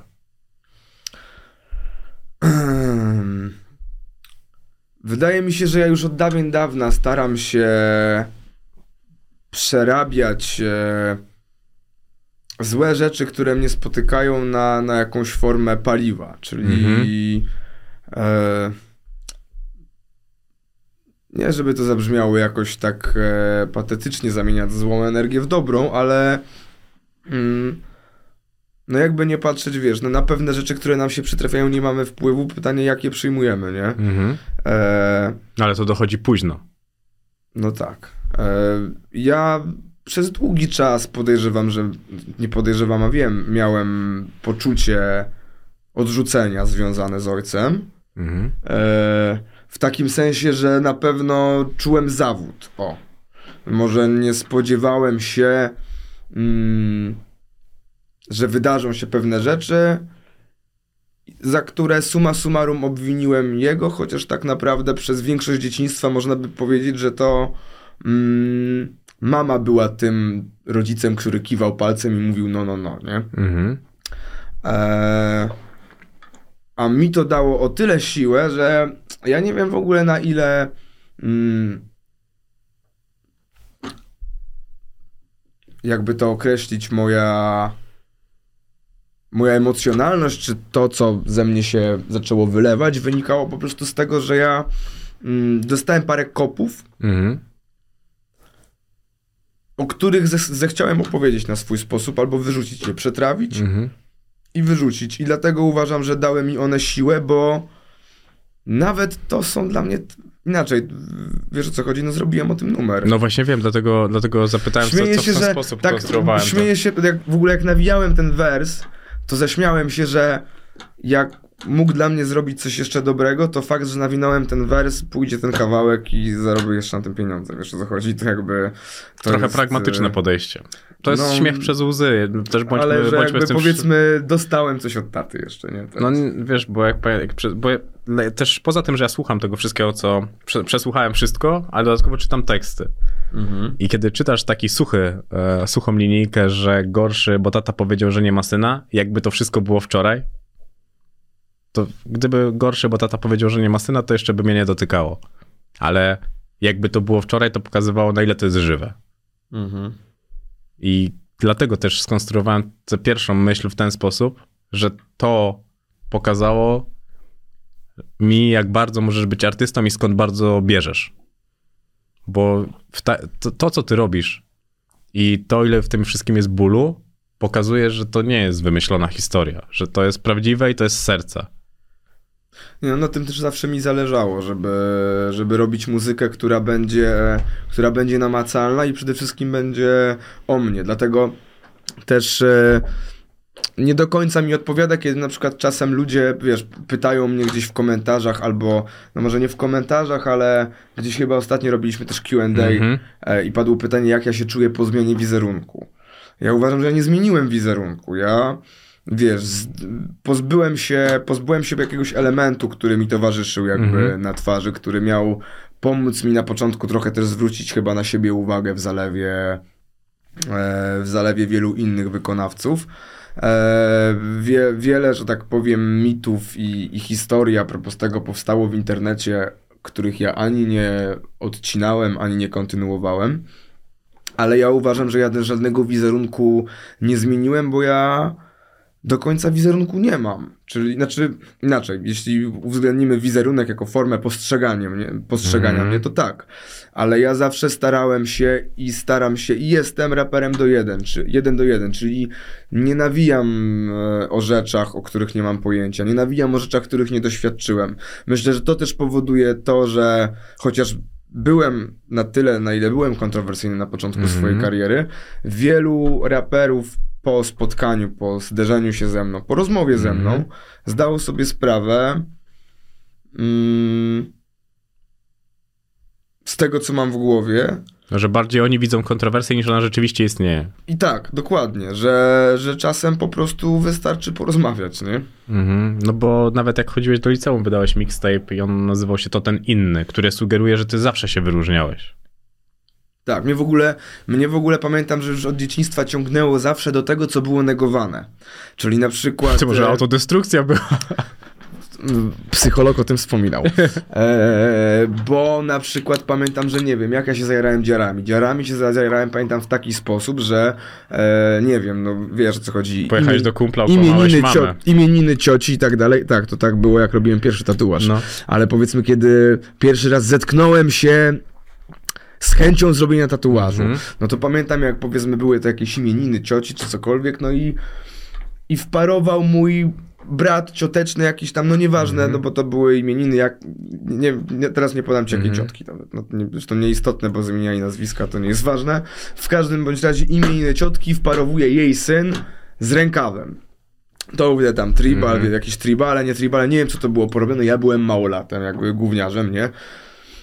No i jakby oni wszyscy, wiesz, że coś ty narobił, że jeszcze przyjdź, pokaż to świństwo i tak dalej. A ja zafascynowany, nie, że im bardziej oni go jechali, tym bardziej mówię, kurwa, ale ma jaja, nie? Przylas Mhm. tu mówi, się zaświecił, ty i ma wyjebane, poszedł dalej. I pamiętam, że jeszcze wtedy w tym pomieszczeniu powiedziałem, szarpnąłem mamę za rękę, mówię, jak dorosnę, to też taki zrobię, nie? A mama do mnie mówi, że jak dorosnę, to mi to wyjdzie z głowy, nie? No już nawet jakiś czas temu gadałem z nią i podszedłem do niej i powiedziałem, że mi nie przeszło. Ta mama Jednak musi mieć ciekawie albo, ogólnie. je, albo ewentualnie można stwierdzić, że jeszcze nie dorosłem. No mówią, że u, u faceta pierwsze 40 lat dzieciństwa jest najgorsze, tak? No, też masz przecież wers o tym na numerze z Kizo, że chyba wreszcie czas dorosnąć. Także wydaje mi się, że po prostu nie ma co się śpieszyć, albo też mogło to tak nadejść tak szybko, że nawet nie zauważyłeś, kiedy, kiedy dorosłeś, po prostu patrząc na e, ten twój okres buntu. A ty korespondujesz, jak patrzysz na tego chłopaka, którym byłeś, jak miałeś 16 lat. Dzisiaj są jakieś elementy jego w tobie? Czy ty się całkowicie już zmieniłeś? Mm, tego chłopaka... Który miał w sensie- 16 lat, który zaczynał z tym e, mixtape'em i tak dalej, i tak dalej. E, wydaje mi się, że ta empatia, wiesz? Ja w ogóle. Wydaje mi się, że empatia to jest cecha, którą zawdzięczam właśnie przede wszystkim mojej mamie. Czyli staram się spojrzeć zawsze z innej perspektywy, z perspektywy Mhm. drugiego człowieka. Mm, niekoniecznie zawsze tak, jak ja się zafiksuję. Niestety często z opóźnieniem przez mój Mhm. ciężki charakter i tak jak, że fakt, że Mhm. wspomniałem, że jestem cholerykiem, więc, więc czasami się zdarzy, że, że muszę przeprosić za swoje słowa, ale też już, że dojrzałem do tego, że potrafię się przy, przyznawać do błędów. W sensie nie jest to dla mnie mm, w przypadku bliskich mi osób, jeśli zawiodę, Mhm. to potrafię o tym powiedzieć, nie? Twoja pierwsza praca to była jak miałeś 16 lat i byłeś zatrudniony w call center, gdzie starszym paniom sprzedawałeś sprzęt rehabilitacyjny. Ty Mm. pracowałeś po to, żeby robić muzykę, czy co? E, tak, a nie, że aczkolwiek to nie była moja pierwsza praca, pamiętam, bo to było w, e, e, też chyba w Popkillerach o tym Mhm. była mowa. To była pierwsza rzecz, która mi się wtedy przypomniała. Ja jeszcze przed tym w ogóle pracowałem na robotach drogowych. To jest osobna sprawa. No dobra, to, robiłem, bardziej ciekawe. e, robiłem zaplecze do krawężnika i układałem kostkę też. A, to też e, o tym mam, ale to widzisz, to tak jakby chronologicznie w takim wypadku jest A, A... błąd. To, o czym ty mówisz, e, to tak, e, był taki etap, powiedziałem to w sumie wtedy w, e, jako formę ciekawostki w trakcie wywiadu, bo to był okres chyba około dwóch tygodni, kiedy ja szukałem czegoś, powiedzmy sensownego na, na, na chwilę. Mhm. Oczywiście tego sensownym nie można nazwać, ale pojawiłem się tam na chwilę, tak jak tak szybko jak wpadłem, tak szybko wypadłem. No ale tak, finalnie okazała się to firma Krzak i nawet to nie było jakieś zwykłe call center, tylko okazało się, że wiązało się to z jakimiś tam kurna krzywymi akcjami, nie? Ale dlaczego 16-latek szuka pracy? E, mi zależało bardzo szybko na tym, żeby być niezależnym. Mhm. To jest jedna sprawa. Druga sprawa, że mm, nie chciałem.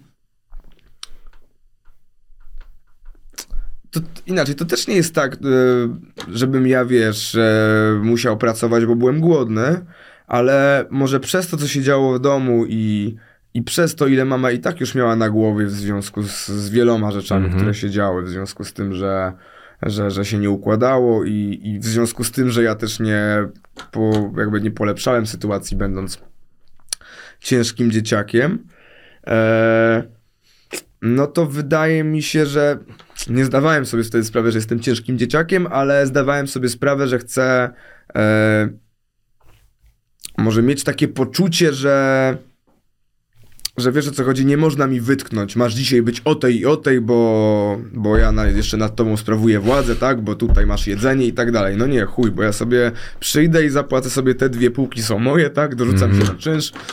Jest to za 4 dni, wiesz, na przykład, nie? Powiedzmy. O, to Więc- naprawdę, to, teraz to dopiero rozumiem ten poziom ciężkości. E, więc, e, więc ja od młodych lat szukałem jakichś e, sposobów na zarobek, żeby, żeby nie, żeby jedna sprawa w ogóle, mm, to jest też, to są też słowa mojej mamy, żeby dowiedzieć się ile po to kosztuje każda złotówka, dzięki czemu teraz też niezależnie od tego jaką kwotę wydaję, to wiem ile każda złotówka z tej kwoty jest warta i ile na nią trzeba pracować w wielu przypadkach.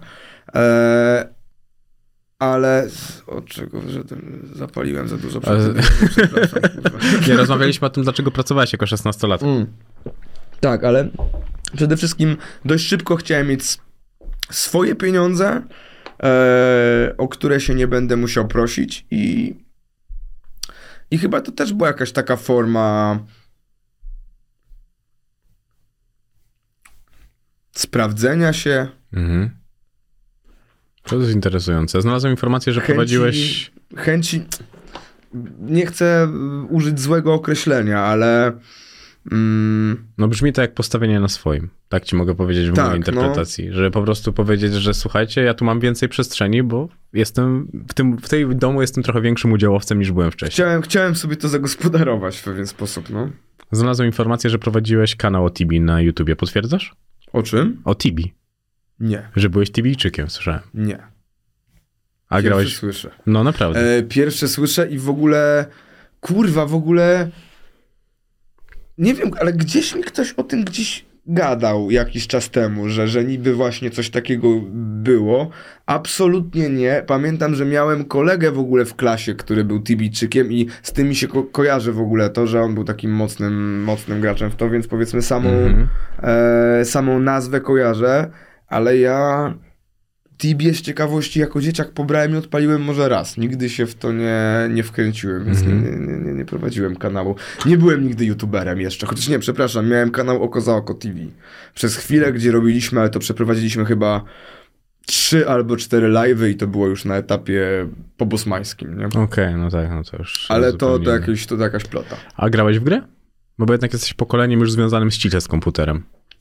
No tak, zresztą dalej gram, tylko mm, ja jestem takim graczem dorywczym, w sensie wiesz o co chodzi, Mhm. na zasadzie rozrywki, no jakby czasem obejrzę sobie godzinę czy dwie godziny serialu, albo obejrzę film, a czasem po prostu ten czas podmienię na e, grę na konsolę, e, grę na konsoli. Mhm. Wiem, że miałem na przykład na samym początku miałem straszną zajawę, bo w latach e, szkolnych, no jakby powiedzmy, że mój budżet domowy nie pozwalał na to, żebym ja miał jakiś nie wiadomo jaki dojebany komputer, tak to określmy. Mhm. nie? Wtedy też komputery były Czyli- bardzo drogie. Były bardzo drogie i tak jak zdajesz sobie sprawę na pewno, co gra nowa wychodziła, to trzeba było mieć nowy procesor, albo nową Mhm. kartę graficzną, albo nowe coś, bo już jakby nie szło, albo szło, tylko kurwa cięło i tak dalej. Tak. Prawda jest taka, że większość gier to ja mogłem zobaczyć bądź pograć tak na spokojnie, to gdzieś u swoich kolegów, jak do Mhm. nich poszedłem na godzinę, na dwie i tak dalej. No a wiadomo, że granie u kolegi to jest granie u kolegi. Więc pamiętam, że w ogóle sobie założyłem, że jak, jak będę miał jakieś pierwsze, konkretniejsze pieniądze sobie zarobię i będę mógł na to sobie pozwolić, to kupię sobie konsolę. I faktycznie pamiętam, że jak ruszyłem w ogóle na pierwsze koncerty, Mhm. to chyba po drugim, po drugim koncercie kupiłem sobie X, Xbox, Xboxa 360 wtedy tylko pod GTA 5, żeby grać w to GTA 5 i chyba nigdy w nic innego nie grałem, tylko w to GTA 5, bo wcześniej bardzo chciałem nie zagrać, ale nie miałem możliwości, nie było. Więc jakby dogo, dogoniłem powiedzmy to marzenie. Mhm. Do tej pory tak, lubię sobie czasem coś odpalić, ale to jest dla mnie raczej forma dorywczej rozrywki, nie? Pierwszą większą kasę zarobiłeś w Big Starze, który chyba wdarł się w twój życiorys bardziej niż tatuaże. Tak jak sobie o tym e, myślałem trochę szerzej, patrząc na, nawet na to perspektywę tego, jak się to często powtarzało mm. w twoim e, życiu. Irytowało cię już to później? Nie. Nie, bo mm, wychodzę z założenia, że przede wszystkim ta sytuacja, z której to wyniknęło, mm -hmm. to tak jak e, nie pamiętam, kto mi to powiedział wtedy, ale to w ogóle była sytuacja, której nie dało się przegrać. Biorąc pod uwagę, kiedy, wiesz o co chodzi, kiedy teraz mm -hmm. wrócimy jakby do, do całej tej akcji, fotografii mm -hmm. i tak mhm. dalej, e, to była akcja, której nie dało się przegrać. Znowu mm, Wydaje mi się, że ten, ten motyw skarpetki już nie towarzyszy mi od dawna. W sensie zrobiłem tylu, tyle rzeczy, jakby innych No tak, tak, ale on przez bardzo długi czas towarzyszył, bo nawet tak jak sobie po prostu, to co ci powiedziałem, przejeżdżałem z całą twoją karierę, słuchając tych mhm. wszystkich e, płyt, tych wszystkich rzeczy, to było coś takiego, że sobie pomyślałem, ty, no faktycznie. To było coś takiego i to wtedy też te, to powiedzmy takie plotki o raperach były zdecydowanie mniej spotykane. Że to faktycznie było coś takiego, co przylgnęło i zastanawiałem się po prostu, na ile to cię jeden irytowało, a na ile dwa później potrafiłeś sobie to obrócić w żart. Mhm. Nie, wydaje mi się, że ja to w momencie, w którym należało, po prostu obróciłem mhm. w żart, a mm, idąc dalej, wiesz, ja nie potrafię długo stać w miejscu i ja nawet teraz już mnie gdzieś korci i już rozkminiam sobie jakieś nowe numery, czy, czy, czy, czy, czy wiesz, czy produkcje i tak naprawdę dość szybko wydaje mi się, że ja poszedłem w pracę nad kolejnymi rzeczami, żeby mm -hmm. poświęcać jakby temu uwagę. Więc, więc nie. Kompletnie. Póki, póki, póki był na to czas, to sam się też z tego śmiałem, a, a przyszedł taki czas, w którym przestali się śmiać z tego ludzie, ja sam się też z tego przestałem śmiać. Bo dało się o tym zapomnieć. Wiesz, no, ile można opowiadać ten sam dowcip, nie? Dokładnie. Pracowałeś właśnie tak, jak powiedziałeś, że układałeś kostkę i jeszcze jako ochroniarz w Saturnie, a to ego takiego gościa jak ty cierpiało? No bo od samego początku chyba miałeś duże ego.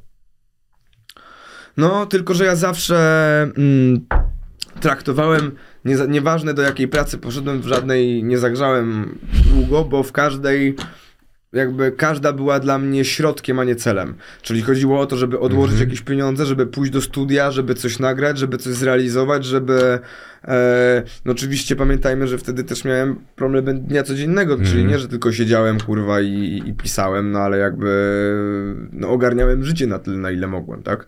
Ale chodzi mi o fakt, że nawet kiedy powiedzmy mm, były u mnie gorsze momenty finansowe, to to niejednokrotnie było tak, że ja odmawiałem sobie pójścia gdzieś z ziomalami po to, żeby przykładowo ostatnią, ostatnie dwie, trzy paczki wydać na to, żeby pójść do studia na 3-4 mm -hmm. godziny i nagrać kawałek, który miał tysiąc wyświetleń na YouTubie. Ale ja czułem tą potrzebę. I coś mnie pchało i coś powodowało, że robiłem to dalej. Bo wydaje mi się, że od samego początku przede wszystkim robiłem to dla siebie. Mm. A nie miałeś takiego nigdy momentu, że mogłeś pomyśleć, że kurde, ja może tu skończę? Nie a ktoś bliski na przykład powiedział ci, że słuchaj, ogarnij się, bo może będziesz tutaj pracował całe życie. Nie. Bo zastanawiało mnie po prostu, na ile już później. Miałem, pamiętam, tylko taką jedną koleżankę, która mm, wtedy, kiedy ja mm, no, zajebałem rok w szkole, wiesz, mhm. nie, nie, nie podchodziłem do matury i tak dalej. E, no i powiedzmy, byłem tym tak zwanym kolegą, raperem.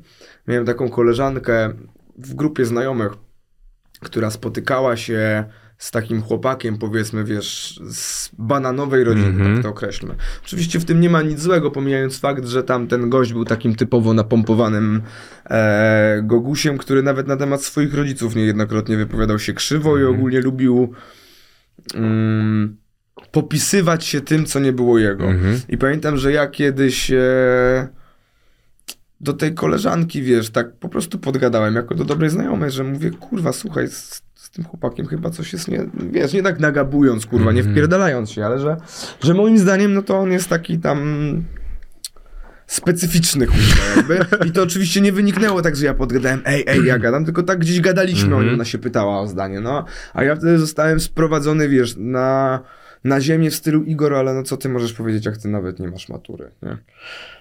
I było takie, pff, wiesz, jakby liść, nie? No tylko teraz już mam maturę. Mam wiele innych rzeczy. Jestem na etapie, na jakim jestem. I jestem ciekawy, na jakim etapie jest ta koleżanka. Wtedy była na etapie jeżdżenia samochodem od rodziców. Ja miałem swój stary, rozklekotany Citroen, ale kupiłem go za swoje pieniądze. Zawsze, zawsze wtedy też się śmiałem, że powiedzmy z grona znajomych mogłem mieć, wiesz, e, tego starego grata, Mhm. tylko że jak e, znajomi pokłócili się z rodzicami, to rodzice zabierali kluczyki. I wtedy tylko Igor miał starego Citroena, nie? Dużo siły trzeba było mieć, żeby przejść taką drogę jak twoja? Nie wiem, ciężko jest mi. No proszę cię, jak możesz powiedzieć, bo- że nie wiesz? Znaczy, wiesz, że.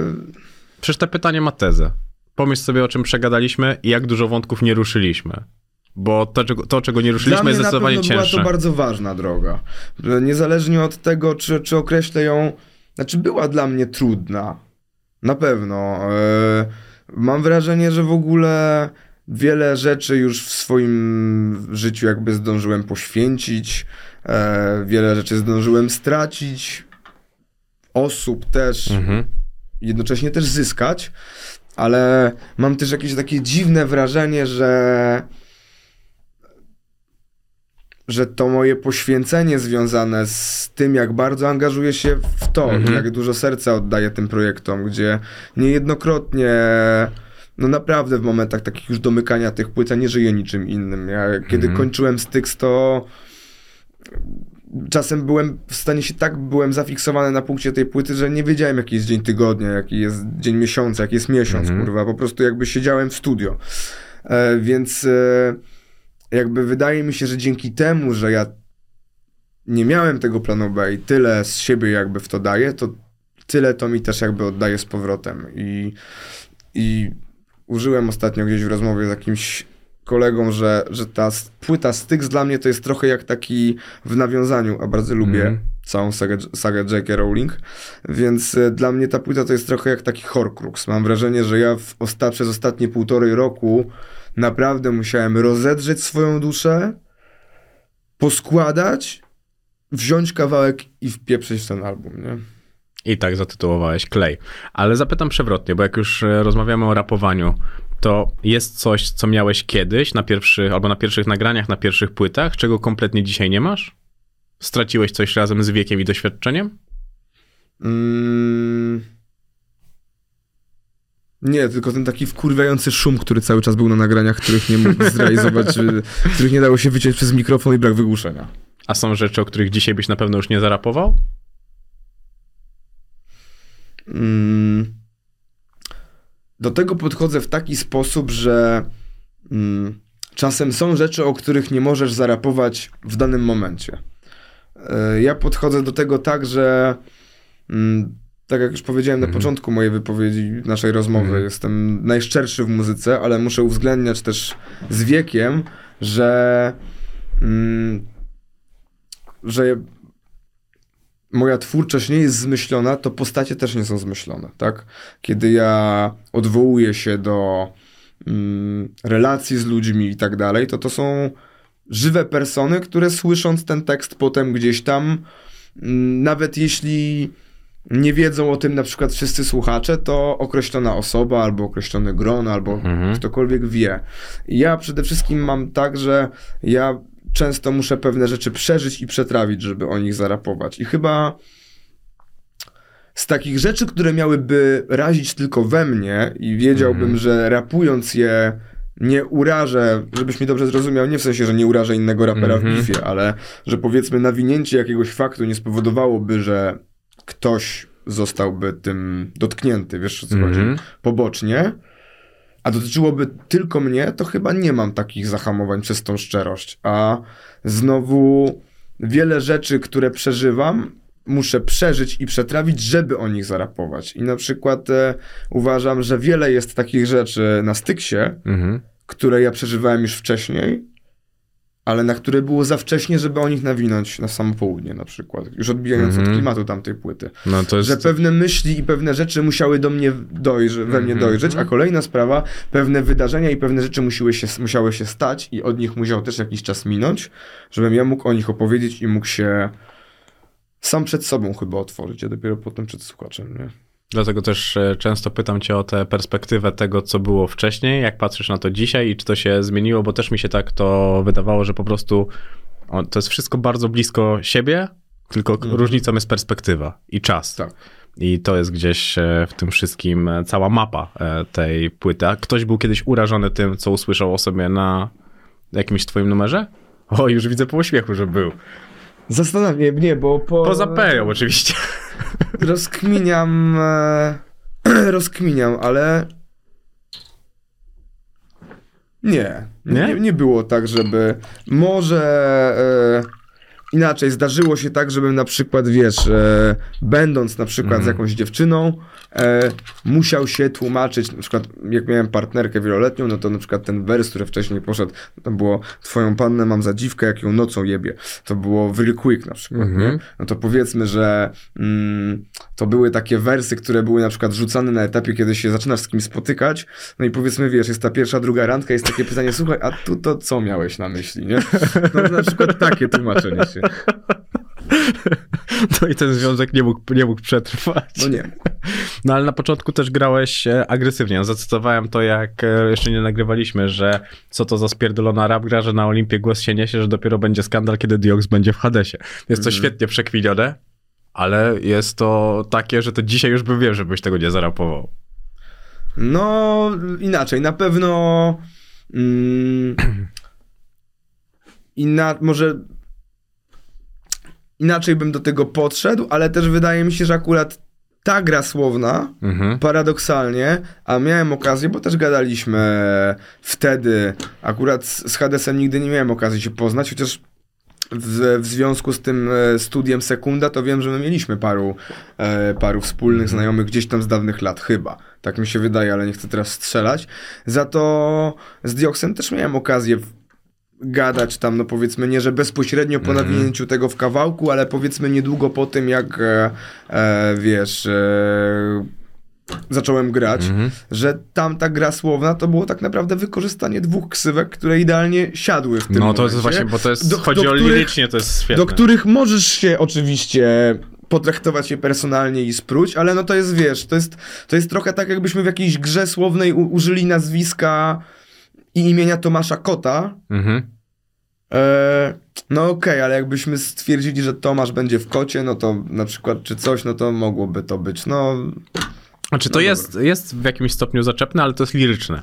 Tak, to, to tak. nie jest... Chodzi mi o to, to że nie to jest... e, Dioks, chuj ci w dupę. Tak, to jest kwestia Hades zabawy tobie również, słowem, dokładnie, nie? więc tutaj po prostu ja ubieram to w zupełnie, w zupełnie inną metaforę. Nie patrzę na to jako na zaczepkę, tylko na to, że to jest świetnie przekminione i wydaje mi się, że jak piszesz taki wers, to zostawiasz po nim tylko uśmiech. Tak. Że jest, jest pewnego rodzaju duma, że w jakiś sposób coś się przekminiło, a tęsknisz czasami za takimi wersami i że pasowałoby ci coś, ale niestety wiesz, że rap, raperzy mają tak e, po prostu mocno kija w dupie, że nie da się w ten sposób przekminić, bo wydaje mi się, że w dzisiejszych czasach by się to nie, to by się Mhm. obiło bardzo szerokim echem. Kurwa, powiem ci tak, ja do tej pory jestem raperem, który się raczej w język stara nie gryźć. Mhm. Przede wszystkim może jestem już na takim etapie, że mocno skupiam się na sobie, e, na sobie w sensie na swojej twórczości po prostu, na rozwijaniu swojego movementu, na, na rozwijaniu swoich umiejętności i nad pracą nad sobą jako człowiekiem, żeby mm, rozkminiać powiedzmy celowe zaczepki, Mhm. ale gdybym miał albo wpadła mi do głowy jakaś gra słowna w, w, w trakcie tworzenia, Mhm. e, to myślę, że bym się nie zawahał.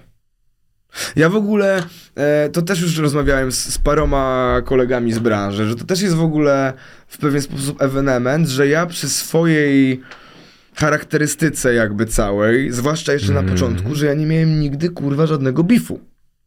A to ja ci opowiem dlaczego. I w ogóle, no to jestem ciekawy twojej teorii właśnie, bo... Bo jesteś w chuj dobrze piszesz. No i tak mi rzeczywistość- też wielu raperów odpowiedziało, że twierdzono, iż e, część po prostu mnie nie zaatakowała, bo nie wiedziała jak odpowiem, a z drugą częścią paradoksalnie tych, którzy składali zajebiste linie, co ja się poznałem i polubiłem. Chociażby z takimi raperami jak Białas, tak? Mhm. Czy biorąc pod uwagę, że w ogóle Białas, e, jeśli chodzi o polski rap, też to był taki e, raper, którego ja jako gówniarz słuchałem i, i zauważyłem powiedzmy, że wiesz, że ta mm, że rap może jeszcze iść w stronę taki, tak, taki, wiesz, jakby takiej, takiej rozkminki, kurwa, Mhm. słownej, e, więc, e, więc chyba z tego wszystkiego to wynikało, nie? No ale ja nie miałem bifu. No nie miałeś, nie miałeś, ale też e, ja nigdy nie zapomnę tego, tej płyty. To płyta albo mixtape, Biała Skaza mi ten numer demoralizuje. To jest e, genialny, genialny numer. Tam pamiętam tą przekminkę, że wyłącz to dziewczyno, bo właśnie demoralizuje twoje e, dziecko. To jest e, świetna, świetna rzecz. Ale w bloku masz taki wers, że muzyka to dla ciebie spowiedź. A który numer jest dla ciebie ba- najbardziej osobisty? E, z, z nowej płyty. Gdzie, Który e, w? Blasku, przepraszam, nie w bloku, A, w Blasku. Blasku. W Blasku rapujesz, że to jest spowiedź, a już nawet niezależnie, czy z nowej płyty, mnie interesuje, który faktycznie w twojej hierarchii jest takim naprawdę numerem, że jak masz go zarapować, to ściska ci gardło. Nowy szatan. I to jest paradoksalnie bardzo świeży numer. Mhm. I też może dlatego, że jest związany z,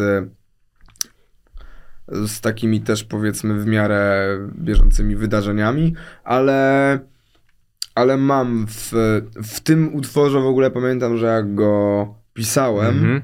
tam jest e, taki fragment, w którym ja nawijam, że nie dam rady. Mhm. Że muszę przyznać wprost, że nie dam rady na koniec zwrotki. I pamiętam, jak to wykrzyczałem w studio, jakby pierwszy raz nagrywając to i co poczułem mówiąc to, gdzie ja w życiu prywatnym raczej nie dopuszczam takiej sytuacji, że ja komuś mówię, że z czymś nie dam rady. To jest dla mnie raczej. raczej daję radę. Mhm. A to było trochę jak z tym zeszczaniem się do łóżka Mhm. wcześniej. Czyli ja zdawałem sobie sprawę, że ja to muszę powiedzieć w tym kawałku, żeby to z siebie zrzucić, ale i w trakcie nawijania tego ściskało mi gardło i ściska mi gardło, zagrałem już cztery koncerty. I ściska mi na każdym koncercie, kiedy to robię.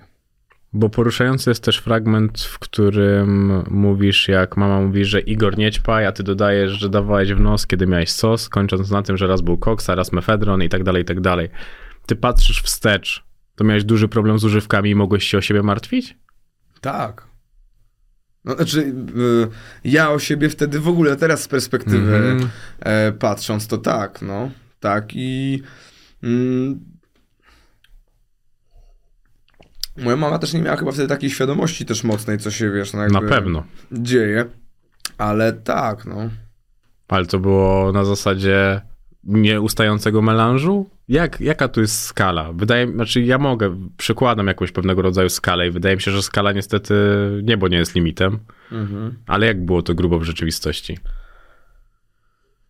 Wydaje mi się, że wiesz, mm, moje przeżycie emocjonalne powodowało to, że ja jednak uciekałem w próbowanie różnych rzeczy, a e, nawet z, chyba z tym, albo może nie będę podawał ksywki, ale gadaliśmy z takim jednym znajomym raperem, który też tak fajnie określił, że e, mówi, kurwa, wiesz co, są tacy, znam takich ludzi, co mówią, że oni to tylko twarde lubią na przykład, nie? A że ktoś inny to se marihuanę, a, a trzeci, że grzybki mówi. A czemu ja mam kurwa tak, że lubię wszystko?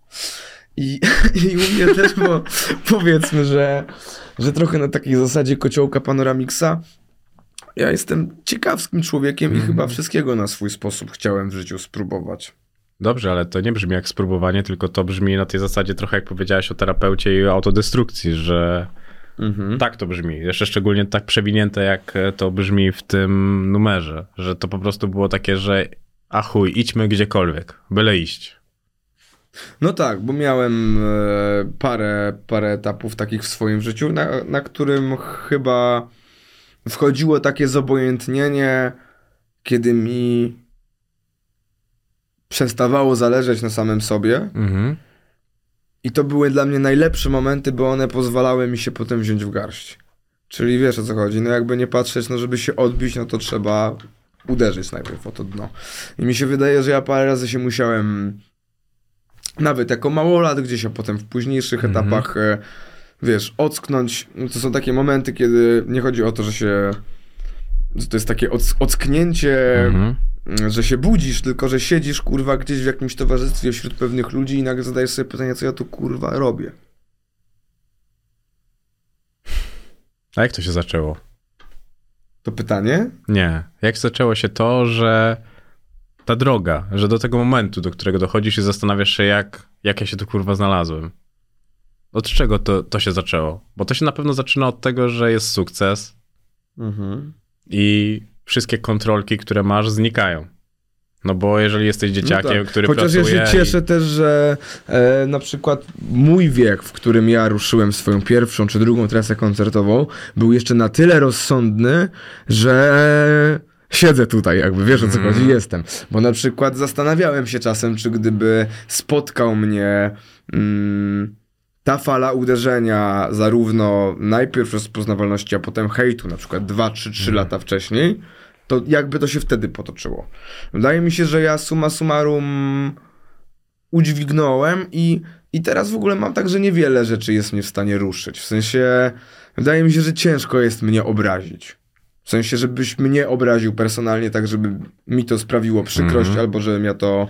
Ja już tyle, ile ja się naczytałem, nasłuchałem, wiesz, jakby na, na swój temat gdzieś tam już w DM-y to już nie wchodzę od dawna, zresztą teraz akurat jestem na takim etapie, że, że, że raczej powiedzmy ten, te czasy hejtu minęły i wydaje mi się, że zbudowałem wokół siebie już to, że moja ksywa kojarzy się z Mhm. jakością. Tak. Ale, ale miałem ten etap hejtu, który, który musiałem przetrwać i, i wydaje mi się, że to mnie umocniło, to mnie na jakiś też czas wycofało, wiesz, bo e, zacząłem też dostrzegać coś takiego, że ludzie czasem jednak mają dwie twarze, no to nie jest żadne odkrycie, ale, e, ale wiesz, e, nawet takie z życia, że że i ci odbiorcy nie zawsze są czarno-biali, bo na przykład kiedyś miałem taką sytuację, graliśmy koncert w jakimś mieście e, i no to jeszcze było powiedzmy parę, parę lat wstecz. No. Mhm. To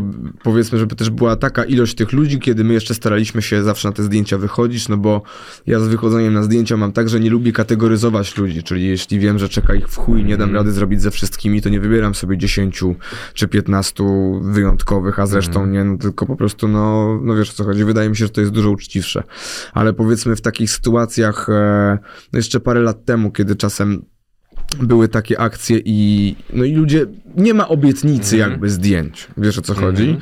Jest to opcja, która może, to jest coś do czego może dojść, a coś do czego może nie dojść. No i pamiętam, że trafiłem sobie, bo czasem spontanicznie lubiłem wyłapywać Mhm. jakieś pojedyncze DM-y, jadąc na koncert, czy wracając z koncertu, czy, czy robiąc coś, bo raczej nie napierdalam tam w te wiadomości i teraz już w ogóle tego nie robię, bo nauczyłem się, i też o tym zresztą gadałem ze Słoniem. Słoń też o tym mówił, zresztą też w swoich wywiadach o tym gdzieś wspominał, że można się tam zryć naprawdę. E, to przeczytałem wiadomość, w której, która niby dodała mi otuchy przed koncertem, Mhm. bo napisała do mnie dziewczyna, która napisała, że jedzie dzisiaj na koncert, że bardzo jej zależy, że, że wiesz, że zmieniłem jej, jej życie Mhm. swoją twórczością. No my wtedy graliśmy chyba drugi czy trzeci koncert z rzędu. Ja też przyznam, że tam, no powiedzmy, nie, nie byłem w takim stanie, jakim powinienem, i to akurat Mhm. nie wynikało wtedy z melanżu, a po prostu już kurwa z, ze zmęczenia i z, ze wszystkiego, jakby, nie? No i, i zajebaliśmy naprawdę zajebisty koncert, bo kiedy ja wychodzę na scenę i gram, to ja od pierwszej minuty do końca jestem tylko i wyłącznie Mhm. dla tych ludzi, kurwa. I choćbym miał zejść i się zeżygać, to póki tam jestem, dam z siebie wszystko, nie? Wiesz co chodzi? To jest też Mhm. ten moment, dlatego ja mam dla siebie, dlatego to poszanowanie. Już nauczyłem się tego, że kiedy jestem w restauracji z mamą i podchodzi do mnie ktoś i pyta się, czy może zdjęcie, to ja powiem nie. Bo kiedy ja jestem na scenie, to mama do mnie nie dzwoni. I ja z nią nie rozmawiam. Mhm. Więc jeśli mam ten przywilej, że raz na miesiąc albo raz, na- dwa razy w miesiącu mogę sobie z nią gdzieś zjeść, to wtedy jakby wychodzę z założenia, że to jest ten czas już dla niej. No ale y, odwołując, bo już też uciekłem. No, chodziło o zdjęcie, że nie miałeś e, siły i o tej dziewczynie e, rozmawiałeś. Tak, i przed koncertem byłem człowiekiem, który zmienił jej życie. E, za to od tej samej osoby po koncercie godzinę, Mhm. bo zmartwiłem się w ogóle, bo nie wyszliśmy na te zdjęcia. A ta osoba w ogóle pisała, że w chuj się cieszy, że pewnie tego dnia zrobi w ogóle sobie ze mną zdjęcie. I ja pamiętam, że już po tym koncercie byłem wykończony, nie miałem siły. Napiliśmy się Mhm. wody, nie, nie alkoholu, napiłem się, żeby się po prostu odsucić i mówię, dobra chłopaki, ładujemy się do samochodu, wracamy do hotelu. I przypomniałem sobie o tej dziewczynie, że ona pisała, że tam Mhm. liczyła na to zdjęcie i mówię, kurwa, wejdę z ciekawości w te wiadomości tam. No i od tej samej dziewczynie po godzinę miałem wiadomość, chuj ci w matkę ciapaku. Gdzie ja w ogóle jestem mama Polka, ojciec Polak, to już odbijając, nie? No i masz takie zderzenie z rzeczywistością, że jeszcze przez godzinę się martwiłeś, kurwa, to ona tam chciała, tu, ten, tego, że ja idę, lecę tam, wiesz, i pach, nie? Gdzie z, jakby nie patrzeć, no ja wychodzę z założenia, że jestem raperem, a nie fotomodelem. I e, okej, zdjęcia zdjęciami, ale jeśli zajebałem godzinny koncert, na którym dałem z siebie wszystko, to wydaje mi się, że przede wszystkim ta osoba po to tam pojechała, nie? A, a powiedzmy nie dostała czegoś, co moim zdaniem było mniej ważne, no i już ta maska mm, spadła. Wiesz, że byłem raz w życiu na twoim koncercie. To było, o Jezus, kupa lat temu. To był koncert w Bydgoszczy. Ten legendarny. Ten legendarny. Ten Ale legendarny w klubie. Czyli można powiedzieć, że nie byłeś. No. Nie, no właśnie, nie byłem, ale świetnie się bawiłem. No, no ja można powiedzieć, że też. No też w ogóle e, do tej pory ciekawe, że poruszyłeś ten temat, bo, bo akurat e, to też jest kwestia, która mm, nigdy tak do końca nie została chyba wyjaśniona, a pamiętam jeszcze jak dziś w związku z tym klubem, który już chyba nie istnieje, że pierwszy raz wtedy pojawiłem się na pudelku w ogóle, to był chyba pierwszy, jedyny raz na pudelku. Po tym wywiadzie będzie więcej. Bo zacytowano wtedy w ogóle, że niby ja, e, że ja, e, na, na, pudelku tak było, że ja powiedziałem, że Bydgoszcz nie zasłużyła na mój występ, co już dopiero w artykule było napisane, że powiedziała to najebana kelnerka, która wyszła na scenę, sugerując, że ja tak powiedziałem. I co jest najlepsze, klub sugerował, że my nie zagraliśmy, bo świetnie się bawimy w knajpie ulicę dalej, ale już nie wspomniał, że nie miał kurwa backstage'u i zorganizowali nam backstage przy stoliku kurwa w restauracji ulicę dalej, odgradzając go parawanem. I my tam czekaliśmy, żeby nas stamtąd ochrona kurwa przeprowadziła, gdzie jak poszedł mój kolega DJ podpiąć się kurwa z konsoletą, to się okazało, że jak podpiął kurwa konsoletę na stole, to nie było miejsca dla mnie. A wszyscy moi fani wiedzą, jak ja się poruszam po scenie. Więc no już odbijając od tego, przeczytaliśmy potem, że ja po prostu się nażarłem, nachlałem w knajpie obok i wróciłem do domu, nie? A to po prostu był backstage tego tfu śmierdzącego klubu. Ja pamiętam nawet moje zdziwienie, szczerze powiedziawszy, bo to było tak, że Guzior i ty graliście te koncerty bardzo blisko siebie terminowo, żeby nie powiedzieć tydzień po tygodniu, bo byłem zaskoczony, że w Bydgoszczy... I patrzę ten klub, nie znam klubu. Zazwyczaj jednak w Bydgoszczy klub, koncerty były w estradzie. No i mówię, dobra, zobaczymy. No tak i pamiętajmy, że to w ogóle też nie był nasz pierwszy koncert w Bydgoszczy, wiesz o co chodzi? My graliśmy wcześniej tam i wszystko było okej, no. No i, i pamiętam, pamię, No pamiętam... i to był jedyny niezagrany chyba mój koncert tak naprawdę w życiu. Który w ogóle jakby, do którego nie doszło. Pięknie uciekłeś od... Nie, przy, przepraszam, jeszcze przypomniał mi się jeden koncert, ale to już w ogóle to też były takie czasy jeszcze e, pierwszej albo drugiej trasy, gdzie przejechaliśmy 600 kilometrów i chociaż mieliśmy wpisane w rider technicznych, bo jeszcze A właśnie, z planem B. e, Był taki koncert, gdzie nie wszedłeś na scenę, bo organizator przyszedł i chyba powiedział, że nie ma siana dla was. A nie, nie, nie, to osobna teraz kwestia, o której mówisz, bo ja to chciałem się odwołać do sytuacji, w której zajechaliśmy do klubu, w którym były Red. Bulle, wódka i wszystko, No. nawet chyba kokaina, ale nie było mikrofonów, kurwa. Więc wracaliśmy jeszcze 500 kilometrów. A to, o czym ty mówisz, to tak, to była impreza w Katowicach i to fakt, że organizator nie miał dla nas siana i w ogóle zniknął, ale my nie zagraliśmy i nie wyszliśmy na scenę nie dlatego, że on nam nie dał siana, tylko dlatego, że on nie zapłacił też siana dźwiękowcom, którzy zaczęli sprzątać sprzęt. A, okej. I jakby to potem summa summarum było obkręcone, że my mogliśmy chociaż niby wyjść do ludzi, ale to jakby nie wypaliło, bo my chcieliśmy wyjść do ludzi nawet, żeby powiedzieć coś przez mikrofon, Mhm. ale jakby mikrofony były odpinane przez dźwiękowców, którzy mieli do pewnej godziny być rozliczeni, a gościu jakby w klubie jako organizator powiedział idę do bankomatu i zniknął. Jakby czekali artyści, ludzie i dźwiękowcy, nie? Dźwiękowcy poddali się pierwsi, Mhm. my drudzy, no ludzie zostali na końcu. Pięknie, pięknie uciekliśmy od wątku mefedronowego, ale ty, bo wiesz, że cię lubię i cenię chyba raczej to nawet już słychać z tej rozmowy. Ty tam ten okres traktujesz jako nauczkę, czy masz taki moment, że się jego wstydzisz? Eee, nie, traktuję go jako nauczkę, bo uważam, że on też w jakiś sposób e, mnie ukształtował. Mhm. Znaczy nie sugeruję, że mefedron, tylko że tamten okres jakby, wiesz, co chodzi? Trzeba, Super by to brzmiało. Trzeba- Pedro mnie ukształtował. trzeba przeżyć, e, czasem trzeba przeżyć pewne rzeczy i mm, wydaje mi się, że jak ja cofam się tak myślami wstecz, to są decyzje, których ja żałuję i są rzeczy, które Mhm. zrobiłem, których żałuję, ale biorąc pod uwagę, do czego one potem prowadziły, ale, albo jakie były dalsze konsekwencje Mhm. tego, to z, niewiele z tych rzeczy bym pozmieniał. Mhm. Znaczy, bo ja też nie chciałbym, żeby to był core tej, core tej rozmowy, tylko chcę pokazać drogę młodego chłopaka, który zaczyna robić karierę i to się po prostu, to jest tak, że to się mimo wszystko wydarzy. I zazwyczaj tak jest. Dzisiaj ci ludzie, którzy robią kariery, zazwyczaj spotykają się z tymi samymi problemami, z którymi spotykałeś się ty w tamtym okresie, bo ta branża po prostu ma jakiś jeden wzór narzucony, zazwyczaj, nie mówię, że dla wszystkich, ale dla zdecydowanie większej, zdecydowanie większości, po prostu i tak to działa. Jest taki film 100 faktów o Reto, w którym narrator mówi, że ty próbowałeś popełnić samobójstwo. To jest prawda? Gdzieś ten wątek dookoła ciebie jednak się mocno przewija. No, takie, no tak pow- powiedzmy, że tak, tak można powiedzieć. Nie wiem, czy to. No, była praktycznie próba, bo ja najebany stałem na parapecie. Mhm. To, to myślę, że można to określić próbą. No, ale to w takich naprawdę zamierzchłych e, czasach. E, to było w czasach tworzenia jeszcze takiej mojej podziemnej płyty, która się nazywała Moonlight. Mhm. Ja w Tak, ogóle tak. uważam, że płyta Moonlight to była moja pierwsza płyta terapia. Ja miałem taki szok, przeżyłem, kiedy skończyłem pisać tę płytę. Mhm. Bo ja ją przesłuchałem i ja mówię, kurwa, ja według tej płyty, to ja jestem wesoły, kurwa, w sensie tu, wiesz, bragadacio, tu Mhm. coś tam, a ja mówię, a ja robiąc tą płytę byłem w chuj nieszczęśliwy. I mam wrażenie, że ja się rozweselałem sam tą płytą, ona była taką moją zabawką, takim pocieszycielem, takim trochę próbowałem sobie stworzyć obraz świata, w którym jest mi dobrze.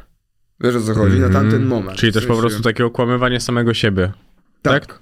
W sensie ja szedłem w ten melanż, ja Mhm. jakby nie patrzeć poza bragą i melanżem, no to o tym jakby jest ta płyta. Tylko, że na tej płycie na Moonlight ja się niby tym cieszę. A tak naprawdę to było zapijanie smutków. I dopiero kiedy ja skończyłem tą płytę, to skończyło mi się w, na tamten moment wtedy udało mi się tamte smutki zapić jakby już, nie? No tyle Mhm. na nie potrzebowałem. No dobrze, ale jak wchodzisz na parapet, co się, jakby co się dzieje w głowie tak młodego gościa i, i patrzysz Mm. sobie? Ja byłem e, wtedy w, w ciężko najebany i nie do końca chyba świadomy też tego, co robię, wiesz, zostałem już to z tego parapetu bardzo szybko ściągnięty, ja na, na, niego, na niego wpełzywałem jakby o, w ten sposób, nie, więc po prostu zostałem ściągnięty z mieszkania za nogi do środka, no i tyle, ale co wtedy w mojej głowie się działo? Ja wtedy pamiętam, że dostałem po prostu jako młody człowiek informację, która tak z sekundy na sekundę mnie rozwaliła. Mhm. E, czyli byłem już jakby w dołku. Mm, no i powiedzmy, może usłyszałem od kogoś coś, albo usłyszałem informację, która mogła wtedy jednak zostać mi oszczędzona, i to chyba było takie na zasadzie trochę wyłączenia telewizora. Dobrze, ale to, to pamiętasz w ogóle, co to była za informacja, czy... Tak, ale nie chciałbym o tym Dobrze. mówić. To też nie koniec było mówienia wprost, bo rapowałeś, nie chcę pić, nie chcę znowu kraść, Mhm. więc zapytam tak samo. Ty musiałeś w swoim życiu kraść, bo ten wątek przewija się w kilku numerach, które E, posłuchałem. poza kradzieżą e, podkładów typowo Mhm. e, muzycznych, które mi zarzucono, Mhm. to tak bezpośrednio, poza tym, że może gdzieś za mało lata, jakieś batony czy coś, to to nie. A jak to się stało, że ty nigdy nie dealowałeś? E, wiesz co? E, wydaje mi się, że bardzo mocnym, e, mo, mocny na to wpływ miało miał mój wygląd. Mhm. To jest jedna kwestia. Dość charakterystyczny. dość charakterystyczny i no ja ogólnie już w czasach od gimnazjum, kiedy jeszcze nawijam o tym na płycie, tak, że e, chciałem być jak ci, których się boję, co dwa dni maszynką gologłowa. Więc ja do gimnazjum, wiedząc, idąc z podstawówki do gimnazjum, że tam kurwa już nas straszyli, że tam będzie kocenie, wsadzanie głowy do kibla, kurwa, coś tam Mhm. i tak dalej, no to oczywiście się odpierdoliłem w szelesta, ogoliłem łeb i idę, nie? I E, od czego wyszedłem z tą wypowiedzią? Dlaczego nie dealowałeś? A, e, więc e, wydaje mi się, że ja cały czas gdzieś tam się przewijając byłem na tyle charakterystyczny, miałem na tyle w ogóle, z, zanim powiedzmy gdzieś tam na osiedlu propozycja Mhm. mogła mi zostać złożona na to, byłem tak często gdzieś tam przez swój charakterystyczny wygląd zaczepiany, że no nie pretendowałem zbyt, e, zbyt dobrze na to. Zresztą już biorąc pod uwagę mm, wiesz, otoczenie, może starszego brata też, który w jakiś sposób może mnie też e, przed tym uchronił, Mhm. przed tym, żeby może ktoś przyszedł i, i, i, coś takiego mi zaproponował, nie wiem, ale udało mi się udało mi się tego uniknąć, nie? Kiedyś przynosiłem wstyd, dzisiaj przynoszę platynę. Kiedy pierwszy raz mama powiedziała ci, że jest z ciebie dumna? Mm, Mówiła mi to już wielokrotnie, ale no nie podam ci daty. No wiadomo, ale godziny. może ale jest coś był- takiego, co pamiętasz. Nie mówię już, że pierwsze, ale takie coś naprawdę charakterystycznego w tym wszystkim, bo ta relacja jeden, że jest bardzo rozbudowana, bardzo szarpana. No bo Mhm. jest szarpana, no niewątpliwie. Wydaje mi się, że ta relacja dzisiaj może być piękna, w, tamtym, w tamtej interpretacji no była trudna dla, i dla mamy, i dla ciebie. Więc zastanawiam po prostu taki moment, w którym mama pomyślała sobie, kurde, on miał rację z tą muzyką. Wydaje mi się, że kiedy rusz, ruszyło już to tak faktycznie e, i moja mama zauważyła, że ja tą swoją szczeniacką zajawkę zamieniłem w stanowisko pracy. Mhm. Wiesz o co chodzi, że po prostu jakby stworzyłem mm, no stworzyłem jakby coś, co sobie założyłem i rozbudowałem to na, za, zacząłem to rozbudowywać na Mhm. taką skalę, dla jakiej dla niej stało się to już realne, bo nie oszukujmy się, no ale też nawet w tamtym pokoleniu i tak dalej, to jeszcze pamiętam całkiem niedawno, no powiedzmy na przestrzeni wiesz, 4 lata temu, 3 lata temu, gdzieś pojechałem do rodziny na przykład, no i Mhm. siedzi e, jakiś wujek, tak, no i pyta, a ty tam Igor czym się zajmujesz, nie? A ja mówię, no, że muzyką, nie? No mówi, no dobra, no ale poza tym, że muzyką, to to co jeszcze, nie? No bo muzyką to Mhm. można, wiesz, zagrać w restauracji na skrzypcach do kotleta, kurwa, albo coś tam, ale nie... Co zdolniejsze, nie- to na weselu. No właśnie, nie? Więc... No nie, no bo ty też zaczynałeś, ja nawet sobie jak sprawdzałem, jak te rzeczy się przebijały, jeżeli chodzi o Olis i tak dalej, no to, to nie było tak, że to były od razu takie złote czasy hip-hopu w Polsce. Jednak e, razem z tym twoim pokoleniem rap nabierał rozpędu w mainstreamie.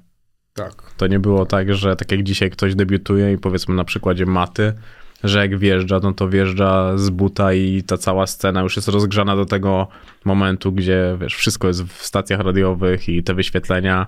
Znaczy też wyświetlenia teraz to też jest akurat e, interesująca kwestia, ale to, e, to się też mocno zmieniło. Wiem, że poszedłeś na terapię, żeby zrozumieć swoje błędy. Długo się tam zbierałeś? No, trochę. Trochę. Pchnął mnie mój kolega. E, kolega z branży zresztą Mhm. też. Który zasugerował, że jemu to mm, dobrze zrobiło, więc i mi może dobrze zrobi. E, I faktycznie. Zauważyłem też, zresztą to jest myślę, że ważna rzecz o tym Mhm. powiedzieć, że, że, że, że nie jest wstyd, że tak powiem, pójść do terapeuty i rozmawiać na pewne tematy. Mhm. Zwłaszcza, że ja jeszcze wychodzę z takiego założenia, że jako osoba niewierząca, albo może inaczej, niewierząca w nic konkretnego, Mhm. co można nazwać jakąś religią przynajmniej, e, no to dla mnie terapia to jest też taka trochę forma spowiedzi, nie? Bo jednak Mhm. idziesz do gościa, który nie jest z twojego środowiska, nie jest bez, bezpośrednio powiązany z Tomkiem, Julkiem, Frankiem Mhm. i kiedy idziesz i z nim rozmawiasz, to może rzucić ci całkowicie inne światło na inną wizję, inny punkt widzenia na to, na co się w danym momencie akurat zapatrzysz albo zafiksujesz, że akurat Mhm. jest tak, a nie inaczej. Więc, e, więc nie żałuję tej decyzji i myślę, że to był dobry krok. A miałeś problem, żeby się otworzyć? No bo jednak zaufanie, no to jest produkt deficytowy. Miałem. Miałem. To też zajęło trochę czasu, nie? Wiadomo, stopniowo, powoli, ale...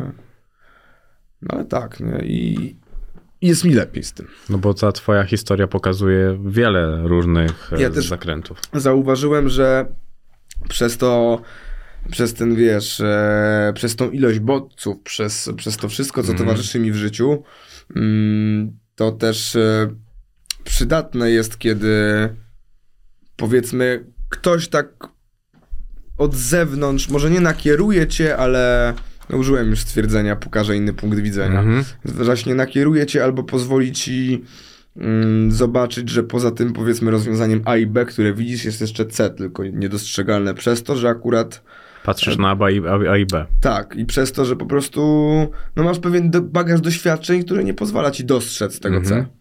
Dużo ludzi, którzy byli u mnie i mówili o terapii, mówili często, że przychodzili tam i płakali.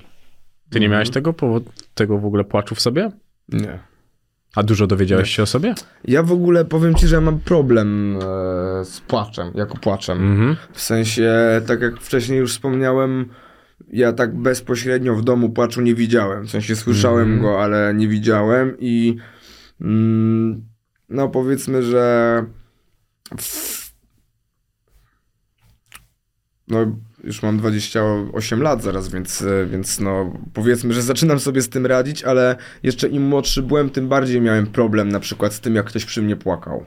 W sensie nie potrafiłem mm, zinterpretować tej emocji, nie wiedziałem jak się zachować, Mam, miałem zawsze taki odruch, że jak ktoś płacze, to że coś mu się dzieje, czyli że trzeba mu coś pomóc, że trzeba działać. Wiesz o co chodzi? Że trzeba zrobić coś, żeby przestał płakać. Nie? A czasem po prostu ktoś ma potrzebę się wypłakać i tyle. Więc Tak, e, to było. A dużo dowiedziałeś się o sobie? Były takie rzeczy, które cię zaskoczyły? tak, tak. No były, były, były takie momenty, w których nawet e, to jest takie ciekawe uczucie, jakbyś czuł się, że ktoś cię rozbiera, ale stoisz sparaliżowany i nie możesz nic zrobić. To trochę na takiej zasadzie, nie? Mhm. A było to dużym dyskomfortem dla ciebie? Czy patrzyłeś na to bardziej w perspektywie fascynacji tego, że dostrzegasz właśnie to rozwiązanie C już Na się tej samym początku wydaje mi się, że nie miałem dyskomfortu przez to, że ja jednak kurwa jestem ciekawski. Więc ja nawet mam tak, że nawet jak trafiłem na terapię, to miałem takie coś, że z jednej strony kurwa, no muszę iść na terapię, Mhm. to trochę kiepsko, a z drugiej strony kurwa, nigdy jeszcze nie byłem na terapii. Więc e, byłem podekscytowany pójściem na terapię. Znowu już potem sam przebieg spowodował, że zauważyłem, że ma to na mnie dobry, dobry wpływ, więc... Mhm. A nie rozłożyła cię w żadnym momencie? Bo też dużo ludzi mówi, że terapia jednak się odchorowuje, że idziesz tam i ono Ja zostaje w głowie. Szczerze muszę przyznać że ja ją w pewnym momencie przerwałem. no, przerwałem ją, ale zaczynam znów. Okej. Masz jeszcze wody, chcesz? E, Mogę ci przy- Mam, mam, nie, nie potrzeba. Nie. E, a masz ludzi, których chciałbyś przeprosić? Bo w cytrynowym niebie, do którego już nawiązałem Znaczy, na początku, jest takie, że... Myślałem, że teraz na Nie, nie, nie. nie. wywiadzie. E, To tak. byś mnie zaskoczył. Wyjąłbyś listę? Nie, no tak, słuchajcie, tego i po kolei imię, nazwisko i PESEL. E, na pewno są ludzie, którym byłbym winien przeprosiny. I na pewno powinienem usłyszeć przeprosiny od wielu ludzi. Ale nie żyję tym. Mhm. Związki w twoim życiu były dla ciebie ważne, czy bardzo ważne? No, na pewno miały bardzo mocny wpływ na nie. Mhm. Zarówno na życie, jak i na twórczość, więc, e, więc myślę, że mogę określić je jako ważne. A Między ważne a bardzo ważne. O. Świetne miejsce. Mam, mam jednak coś takiego chyba, że jednak wszystko zawsze prowadzi do muzyki. Jakby inne rzeczy ważne nie były, nie? Mhm. Czyli na koniec zawsze partnerka przegrywała z muzyką? Statystycznie rzecz biorąc tak. A byłeś kochliwy? Może jesteś kochliwy?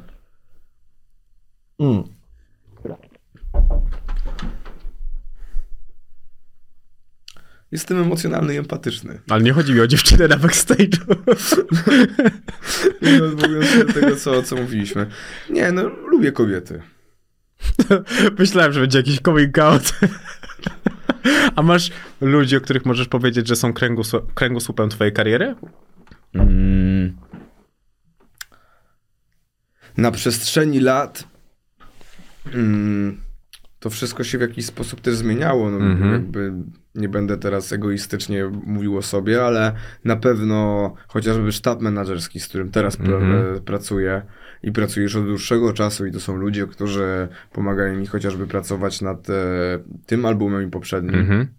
To są osoby, które bardzo pomogły mi poprowadzić tę karierę tak, jak e, mi na tym zależało. Zwłaszcza jeszcze po, można powiedzieć, no takim przejściu na swoje i staniu się niezależnym. Mhm. Znaczy pod opieką agencji wydawniczej, ale już jakby na zasadzie niezależnego Mhm. artysty, tak?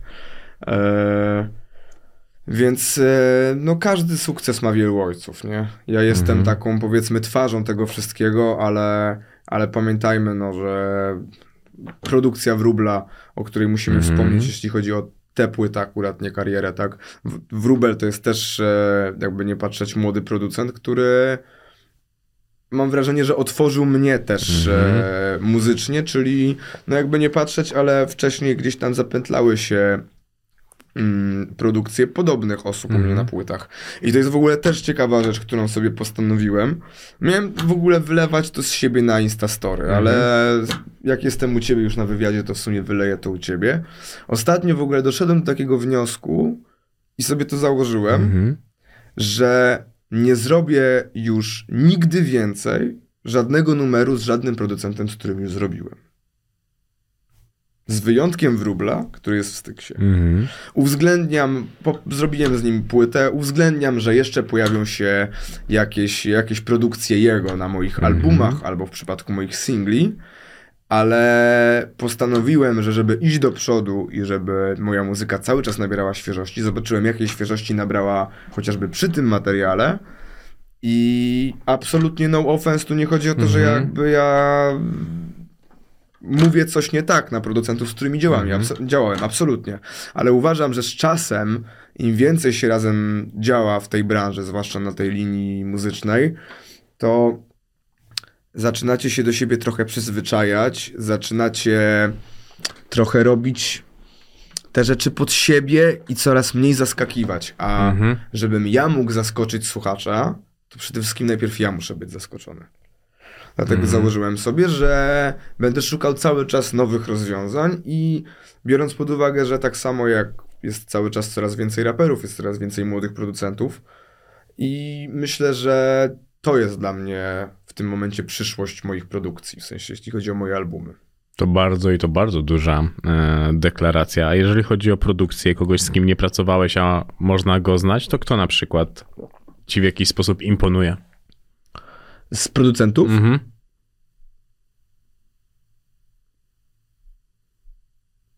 Z takich producentów, z którymi nie działałem, a żeby mi jakiś imponował, i mówimy oczywiście Mhm. cały czas o Polsce. Mhm. Nie. Krąży o mnie wiele legend, ale kiedyś to ja będę legendą. Nie czujesz się już nią trochę? Kurwa, trochę nie mi to oceniać chyba też. Takie mam wrażenie. Zobacz pozycję, zobacz czas, przyłóż skalę wszystkich ludzi, którzy zaczynali w podobnym czasie do ciebie. Jesteś chwilę przed trzydziestką. Jak długo jest obecny wiek rapera i jego żywotność? To kiedy raper ma się stawać legendą, jeżeli nie przed trzydziestką? Ja to trochę tak rozkminiałem, że y, przez pewien czas w ogóle w mojej definicji legendy to było, że żeby stać się legendą, to w ogóle trzeba najpierw umrzeć. Nie sugeruję, nie sugeruję, że śmierć powoduje, że Mhm. stajesz się legendą, ale że inaczej, że taki poziom legendarny, legendarności, Mhm. wiesz o co chodzi, to jest dla mnie powiedzmy żyjący ktoś, kto jest na wysokim poziomie doceniany i tak Mhm. dalej, jest autorytetem cały czas. A dla mnie powiedzmy legenda to jest coś, co trwa w pokoleniach. To jest, e, wiesz o co chodzi? Legendą jest dla mnie, no nie wiem, no, Notorious B.I.G. na przykład. Wiesz o co chodzi? No dobrze, ale my Który- takie legendy musimy sobie wytworzyć, jednak nasze środowisko hip-hopowe jest bardzo młode. Mhm. No a jak patrzysz na przykład, no nie wiem, na małpę, to małpa nie jest legendą?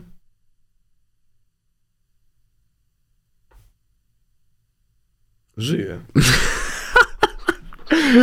To, co powiedziałem, jesteś strasznie spostrzegawczy. E, mm. No bo gdzieś tam to jest tak, że to już powoli wchodzisz do tego grona starszych Pod raperów. pewnymi względami tak, tylko musimy pamiętać, że zawsze wtedy jesteś. no zawsze będziesz legendą dla kogoś. A mi się wydaje też, że legenda po prostu staje się w tym momencie, kiedy stajesz się trochę już butikowy.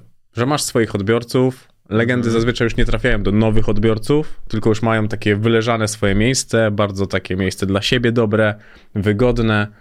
No nie wiem, legendą jest chociażby moim zdaniem OSTR, Tedy robi swoje rzeczy, oni robią swoje rzeczy po prostu. Nie, no dobra, no tu ci przyznam rację, że to są jakby takie mm, ży, żyjące legendy, Mhm. tak to określmy. E, mówi, mówi teraz, e, chciałem się cofnąć do tego, do tej butikowości, o której powiedziałeś. Mhm. E, Z jednej strony się zgadzam z tym, co powiedziałeś, że, że, że może właśnie ta legendarność na tym polega. Z drugiej strony, ja, tak jak powiedziałem, może mnie bloku- blokuje przed takim e, podejściem też fakt, że ja debiutowałem teraz z płytą, nie? Jestem po prostu świeżym raperem. Ja w ogóle rozjebało mnie to i słuchaj, naprawdę mam świadomość tego, że po tym jak ja puściłem tą płytę i że tak powiem, wyszedłem e, face to face, w Mhm. sensie z, z otwartymi oczami, to ja potrafię mieć komentarze na YouTubie, po których ja czuję, że tam wpada chłop, który mnie słyszy pierwszy raz, na przykład mówi, zajebiście ciśnij, to jest teraz twoje 5 minut. A ja mówię, ale to jest moje czwarte 5 minut, kurwa, wiesz co chodzi? I jeszcze parę ich planuję, nie? A czułeś się kiedyś wypalony? Był taki moment w twoim życiu? Mm, wypalony twórczo. Mhm. E, przez chwilę. Przez chwilę właśnie chyba, kiedy mm, tak miałem, miałem takie chwilowe zagubienie e, w trakcie jeszcze w trakcie takich pewnych powiedzmy wydarzeń i po koncercie w tym, który się nie udał w Bydgoszczy, tak? Mhm. Kiedy powiedzmy ja też e, dostałem pewną falę hejtu. Mm, niedużą, bo niedużą, bo internet takie Mhm. szybko zapomina. Tam w 3-4 dni wydarzyło się coś innego, bardziej kontrowersyjnego, ale takie, miałem taki okres, w którym chyba stałem się trochę nieufny w stosunku do mojego odbiorcy. Czyli przez, wiesz, te znajomości, te wiadomości w stylu tutaj zmieniłeś moje Mm. życie, a potem chuj ci w matkę. Zacząłem mieć czasem, miałem takie chwile, że ktoś podchodzi i mówi, słuchaj, jestem twoim fanem, ja takie, mhm. wiesz, bo na przykład potrafiłem, wiesz, no sp- spotkasz się z tym nieraz, że kurwa zatrzymasz się na przykład z kimś, no i zrobisz tę fotkę, a potem ktoś stawia tę fotkę na Instagramie, mówi, zobaczcie, spotkałem go, chciał sobie ze mną zrobić zdjęcie. Wiesz o co chodzi? Mhm. A ja na przykład spieszyłem się gdzieś, ale zatrzymałem się, no i chuj, tu nie chodzi teraz o rozkminianie tego, kto ile sekund na czym stracił, ale mm, wydaje mi się, że miałem taki chwil, miałem taką chwilę zrytki związanej z ludźmi, e, zwłaszcza, że jeszcze potem na jakiś czas nas wszystkich od tych ludzi odcięli, bo zaczęła się pandemia, Mhm. więc siedzieliśmy w domach. E, ale pamiętam, jak ruszyliśmy na koncerty po pandemii i ja pierwszy raz mogłem wyjść do tych ludzi, to chyba wtedy było lato, więc my graliśmy już te większe takie imprezy, w sensie, Mhm. wiesz, to były festiwale i tak dalej. E, I uświadomiłem sobie, że na 10 zjebów, którzy do mnie podejdą, Mhm. warto jest zaczekać na tą 11 osobę. A pieniądze cię zmieniły? Eee, nie, myślę, że nie. Zmieniły mnie wydarzenia i przeżycia różne, które, których doświadczyłem, ale nie pieniądze. Widzisz dużo zmian w świecie rapu od czasu twojego debiutu? Mm, tak. Widzę przede wszystkim tę zmianę, że mm, starsi raperzy są dużo chętni nagrywać z młodszymi raperami Mhm. niż kiedy ja debiutowałem. Tak, ale to jest w ogóle zmiana, o której Wtedy się nie raczej to było takie. Poczekajmy, popatrzmy, co się odpierdoli. Wiesz o co chodzi? Mhm. Teraz już widać, że szklanki są pełne, więc chętnie się po nie sięga. Tak, tak, tak. Teraz zdecydowanie i to nawet w drugą stronę. No Zresztą Ostry, I- który u mnie był, zarapował o tym, że Mata się mu nie dograł. Przyznam szczerze, że na przykład mnie trochę to bolało, kiedy ja Mhm. wchodziłem na scenę, wiesz? W sensie takie negowanie nas za to, jak my brzmimy, bo ja na przykład rozkminiałem to w takich latach, jak ja zaczynałem pisać sobie pierwsze teksty na chacie, wiesz, gdzieś tam i tak dalej. I mi wujek pierdolił, że to nie jest muzyka, bo muzyka to Tak, jest rock i tak, tak, tak, dalej. tak. I wtedy ja sobie myślałem, kurwa, że jak ja spotkam tych starszych raperów, To, że oni powiedzą właśnie, że oni będą opozycją do tego mojego wujka, który Mhm. mnie jebał, że to nie muzyka i tak dalej. Tylko powiedzą, o, przyszli nasi, młodsi, Mhm. robią to, co my, kontrolują, jakby kontynuują nasze, nie? A tu się okazało, że tam mi wujek wpierdalał, że to, co ja robię, to nie jest muzyka, a potem tu mi ktoś próbuje wpierdalać, że to nie jest ta muzyka, którą ja robię. Dlatego ja po prostu ogólnie określam to, co nazywam, inaczej, to, co robię muzyką. Nie zależy mi na tym, żeby to kategoryzować jako rap, trap, drill, cokolwiek. Po prostu robię muzykę w taki sposób, w jaki ją czuję i taki ją będę robił. Wydaje mi się, że też czas utarł tą, tę drogę, że ona jest tylko jedna. Że jednak mimo wszystko, tak koniec końców, to jest ten sam worek, wszystkie gatunki się mieszają ze sobą i, i tak naprawdę tak to Nie, działa. nie, nie doszyjemy trzeciej nogawki, no. No nie. A zmiany są tylko dobre, bo ta zmiana, o której powiedziałeś, raczej jest dobra. A zastanawiam Mhm. mnie, czy po prostu są takie zmiany, które ci się nie podobają w perspektywie tego, co było, a jest dzisiaj. Nie, staram się nie podchodzić tak. E, w ogóle staram się tak nie, wiesz, nie gdybać, że kiedyś to było, a Mhm. teraz jest jakoś, bo. bo To jest bo, starość. Bo, bo strasznie mi to śmierdzi tym, co słyszałem Mhm. kiedyś od innych i, i staram się tego unikać. Mm. W ogóle uważam, że w e, tworzenie czegokolwiek, w tym momencie mówimy o Mhm. rapie jakby, tak? O muzyce. Jest to tyle zajebiste, że moim zdaniem nie ma jednego wyznacznika jakości. Czyli okej, ustalimy, ale to ja powiem, że dla mnie są podwójne i potrójne na przykład ważne. Ale Mhm. usiądzie gość, który też słucha muzyki, też ma parę uszu i powie, że ma to w piździe. Że Mister? Polska jest zajebistym I raperem. tak, i dla niego na przykład, bo on tam zwrócił uwagę na coś zupełnie innego. I to jest tak samo jak z nie wiem, no kurwa, jak z malarstwem, tak? No, jakby nie patrzeć, sztuka nowoczesna niejednokrotnie jest kontrowersyjna w odbiorze. Możemy albo stanąć i stwierdzić, że faktycznie tam jest coś pięknego, a czasem mam wrażenie, że stoi parę osób i próbuje dostrzec więcej niż jest naprawdę. To tak jak z Van Gogiem chociażby i tak dalej, i tak dalej. No jest bardzo dużo No interpretacji tego wszystkiego i wydaje mi się, że wiadomo, że jeżeli muzyka ma odbiorcę, to na koniec tej drogi właśnie o to chodziło. Nikt nie robi Więc- muzyki, żeby słuchało jej 10 osób. Dokładnie, więc, więc wydaje mi się, że mm, nie da się do końca określić, wiesz, takiej definicji, jaka jest dobra muzyka. Bo każdy poda ją na swój sposób. Nie? Dlatego ja po prostu staram się robić taką muzykę, jaka mi się podoba. Mhm. A to, że raperzy walczą w freak fightach jest okej, czy nie jest okej? To zależy personalnie od każdego, od każdej z tych osób. W sensie mm, wychodzę z założenia, że jeśli no kurwa, ja mogę nagrać sobie vloga. No nikt mi nie zabroni nagrać vloga, Mhm. tak? Jednego, drugiego, trzeciego. No i powiedzmy, czy ja po sześciu vlogach, czy możemy mnie określić youtuberem? Ale określenie to jest tak znowu, jak wracamy do muzyki i gatunków. No, no tak, no ale powiedzmy, wiesz o co chodzi, Mhm. jestem obecny w jakiejś przestrzeni.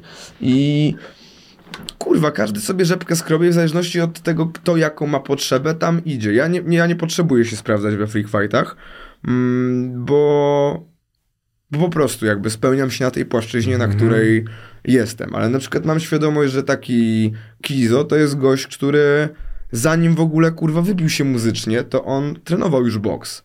I na przykład, wiesz, rozkminiam tutaj taką perspektywę, Mhm.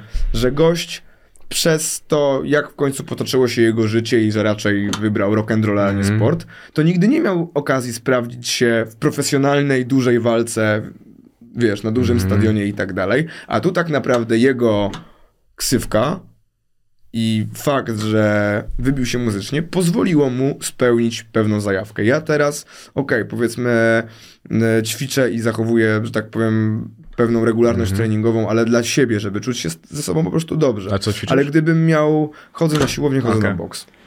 Ale w związku, powiedzmy, z podejściem do jakichś freak fightów, to teraz ja, przygotowując się do freak fightu, robiłbym to typowo dla pieniędzy.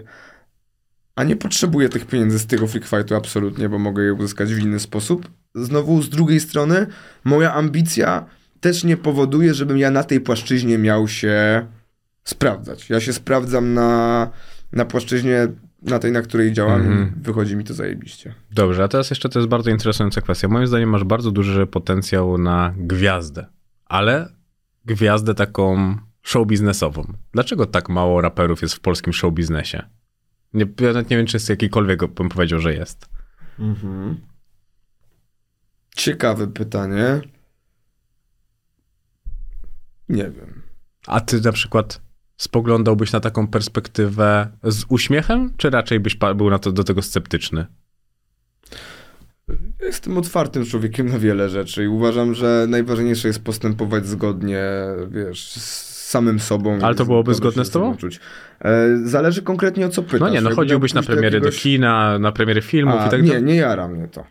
Nie jara mnie to, nie jara mnie w ogóle, wiesz, świecenie na czerwonym dywaniku, ząbkami, uśmiechanie się i zmienianie pozycji, kurwa, pod fotografów. Jakby, jakby ja swój performance robię na scenie. Mhm. Wtedy są fotografowie, wtedy są ludzie od wideo, wtedy jest publiczność, która przeżywa, która czuje emocje i wtedy jestem tam też ja, nie? Mhm, bo mnie zastanawiało to w perspektywie nowego bodźca, czegoś innego, czegoś takiego, co mogłoby stymulować. Patrząc nawet na twoją drogę, Mhm. to szukam tego, czym sam siebie mógłbyś zaskoczyć i wyruszyć w jakąś podróż, która będzie dla ciebie tak samo ekscytująca jak płyta, którą właśnie skończyłeś i wydałeś. Mhm. Bo to by mogło być też bardzo Wiesz co, ciekawe. nie gry. wiem, czy ja nie jestem znowu na przykład na takie rzeczy, o których teraz wspominasz, Mhm. zbyt aspołeczne. Bo ja jednak inaczej nie mogę określić się typem samotnika, bo inaczej lubię pobyć sam, ale przychodzi taki moment, w którym potrzebuję towarzystwa. Mhm. Jednak to towarzystwo zazwyczaj to jest po prostu takie moje towarzystwo, sprawdzone grono Mhm. od dawna i ja nawet e, śmieję się, że ja ruszając w trasę swoją pierwszą, to ja zacząłem wtedy chodzić po klubach, bo tak to ja chodziłem na domówki. A ja swoje pierwsze imprezy klubowe miałem, kurwa, grając koncerty, nie? Tutaj chwila przerwy. Jeżeli słuchasz teraz tego podcastu, pamiętaj, by wcisnąć przycisk obserwuj bądź subskrybuj. W zależności od tego, na jakiej platformie słuchasz tego podcastu. Będę bardzo, bardzo wdzięczny. Miłego odsłuchu. A to prawda, że do ciebie podrywały cię celebrytki na Instagramie? Eee, a skąd masz takie informacje? To prawda? Od tych celebrytek? Tak. Eee, nie wyświetlałem. Ale widziałeś. No jakieś tam profile mi się przewijają czasem, nie? Ale tak jak powiedziałem, nie, nie, nie angażuję się już e, w, w DM-y. Mhm. Czyli muszą jednak przez agencję się kontaktować. No prędzej, prędzej. Bezpośrednio przez menadżera.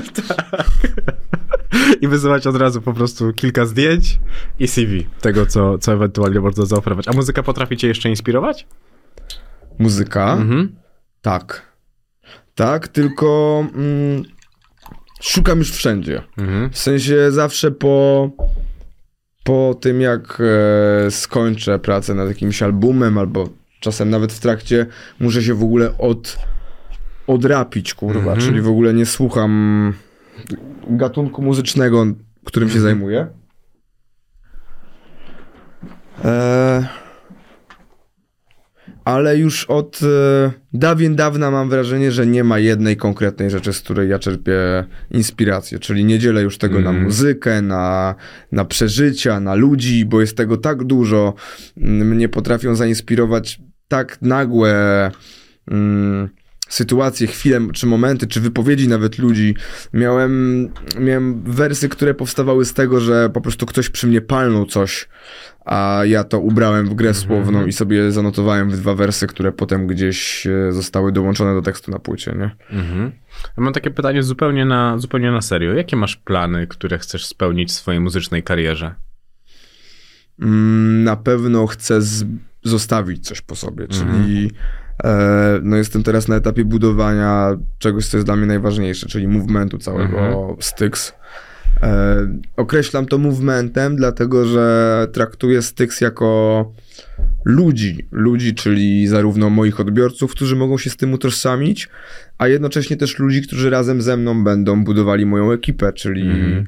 E, no nie zamierzam być jedynym raperem w Styksie, tak? Będę Mhm. chciał też jakby rozwijając się dalej, dawać taką szansę i możliwość e, kolejnym osobom. Nie? A co jest stymulantem w twojej karierze? Jakie masz marzenia, jeżeli chodzi o to, żeby marzenia powodowały to, że cały czas jesteś głodny czegoś? Chciałbyś na przykład zagrać na Stadionie Narodowym?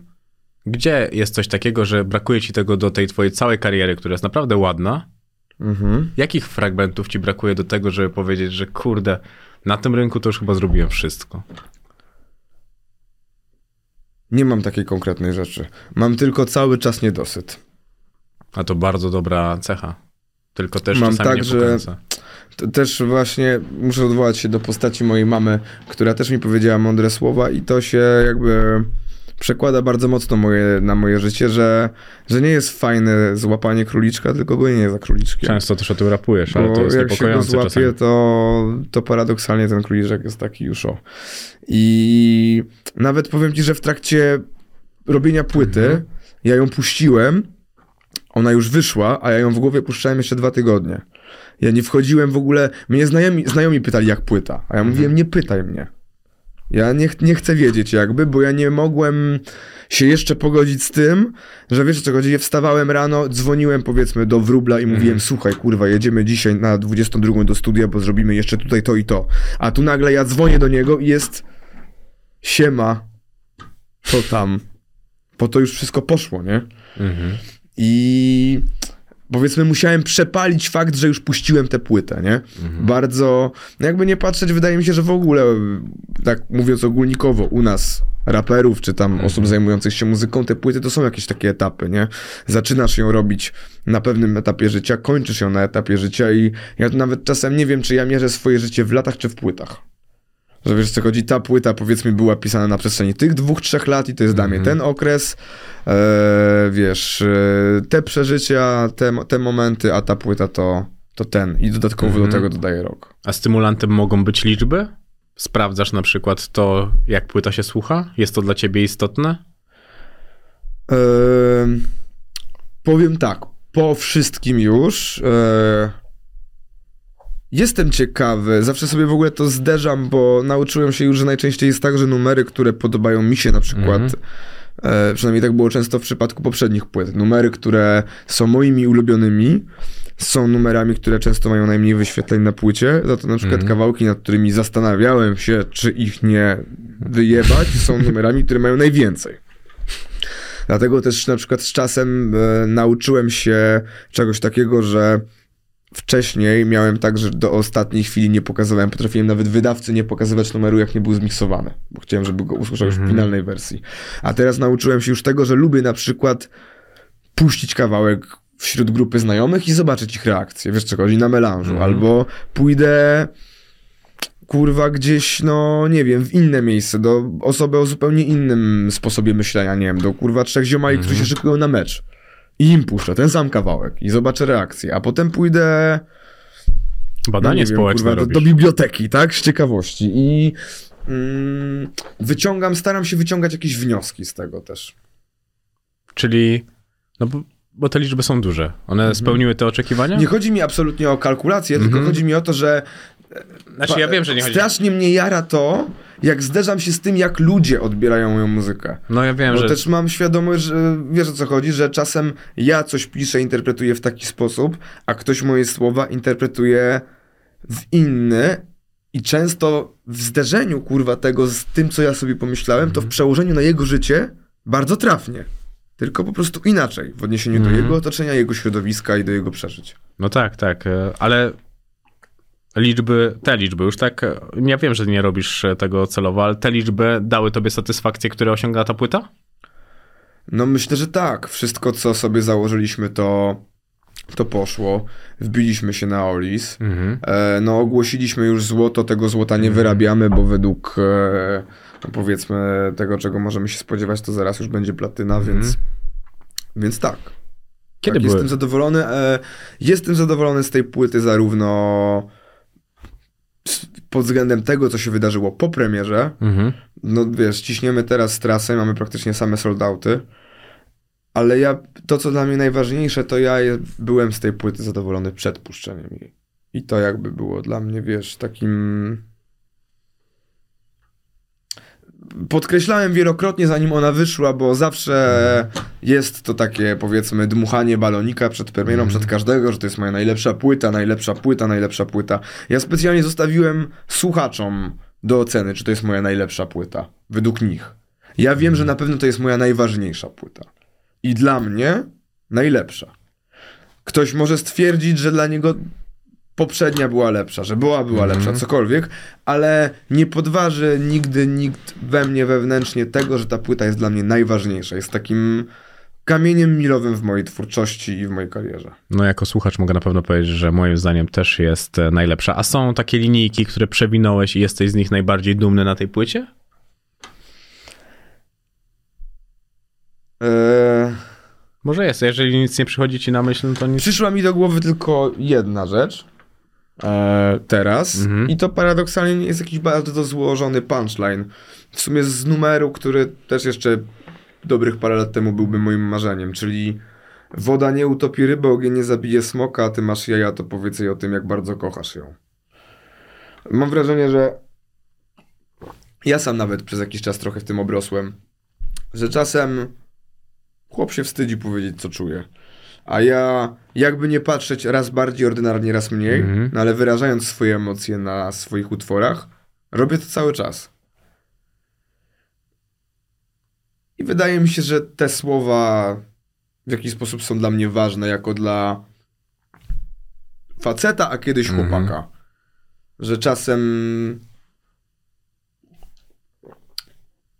Czasem facet może zaimponować kobiecie w zupełnie inny sposób, niż jemu się wydaje, że ona tego oczekuje. O.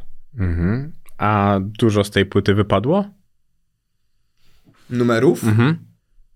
E, jeden albo dwa, na pewno Olimp, Mhm. jakby, który... Olimp to był też taki kawałek, który my go puściliśmy jako singiel przed i nie byliśmy pewni, czy on będzie na płycie, jakby. Ludzie trochę... Oryginalnie ogólnie. Wypuściliśmy single, ale nie wiedzieliśmy, czy będzie na płycie. Bo jeszcze wtedy w żaden sposób płyty nie zapowiadaliśmy. Mhm. Ja pamiętam, że był okres wakacyjny, ja chciałem puścić kawałek, nie chciałem robić tak zwanego letniaka, bo to już mi się kojarzy, Mhm. kurwa, z taką remizą i wsią, że po prostu przychodzi, kurwa, czerwiec i nagle wszyscy się zlatują i mówią, ła, robimy letniaki, kurwa, wiesz Mhm. co chodzi? Ale chciałem zrobić kawałek, który będzie rytmiczny, który będzie bujał i będzie... Mm, będzie inaczej, będzie bardziej wakacyjny niż reszta, nad którą w danym momencie pracowałem. Mhm. A kiedy zaczęliśmy iść dalej ze Styxem i zacząłem po prostu patrzeć, jak ta. No tu akurat tracklisty nie mam.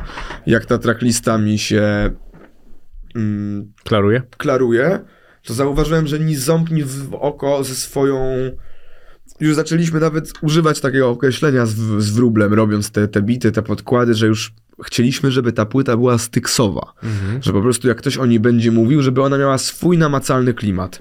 I miałem wrażenie, że po prostu numer Olimp był niestyksowy, czyli po prostu nie pasował do reszty tych kawałków. W sensie jak siedziałem po prostu już, a uwierz mi, poświęciłem dużo czasu Mhm. na ułożenie tych numerów po sobie, w sensie jak one mają Mhm. przechodzić. Zarwałem parę nocek. Parę nocek też, w trakcie których trzeźwy nie byłem. I ułożyłem w końcu, pamiętam, że chyba kurwa o 7 rano wysłałem Wróblowi, mówię, zobacz, one finał, bach, kurwa, wysłałem mu to, no i chyba następnego dnia po południu Wróbel przesłuchał tego w tej kolejności, mówi, kurwa, no tak, jakby, nie? To tak. Więc e, A ile powstawała ta płyta? no zacząłem ją bezpośrednio po tym, jak skończyliśmy projekt z Zeciakiem ostatni, Mhm. który wyszedł, który był w sumie taką bardziej niszową produkcją. Mhm. E, mamy, mamy kwiecień. To ponad rok chyba. Okej. To całkiem uczciwy czas, bo szczególnie chyba, że dużo pracowaliście nad tym. Tak jak brzmiałeś i Tak. opowiadałeś o tym, jak to powstawało, to wydaje mi No się... ja mieszkałem, przeżywałem i mieszkałem w studio jakby, nie? Na zmianę wychodziłem i wracałem tworzyć, nie? Kiedy byłeś najbardziej szczęśliwy w swoim życiu? Chyba teraz. Teraz, kiedy wiesz, widzę na bieżąco, jak już to wszystko mi się klaruje, przede wszystkim mam namacalne owoce swojej pracy, Mhm. tego, w co ja przez tyle lat wierzyłem, a przez wiele lat wcześniej jeszcze podważało to wiele osób i Mhm. nie chciało w to wierzyć. Wiem, ilu osobom utarłem nosa, tym, co udało mi się osiągnąć, ale nie to mnie satysfakcjonuje, bo też założyłem sobie, że przede wszystkim zależy mi na tym, żeby każdego dnia być po prostu lepszym od Mhm. siebie. Nie porównuję się z innymi. Tak jak fajnie też odwołam się znowu do sylwetki, chociażby słonia, no ale ja się nie potykam o czyjeś wyróżnienia w drodze do kibla, jak idę rano. I skupiam się mocno chyba po prostu na, na tym, żeby dalej się rozwijać i, Mhm. i, i brnąć jakby w to, nie? Tak jak mówiłem, nie mam planu, planu A, więc... Ble, nie mam chyba. planu B, kurwa, bo plan A to mam jak skurwysyn, więc, e, więc chyba to mi daje największą satysfakcję. Satysfakcję i szczęście daje mi zakładanie jakiegoś celu i realizowanie go na bieżąco. Wydajemy ten podcast w twoją urodziny. Ty lubisz swoją rodzinę? Lubię. No.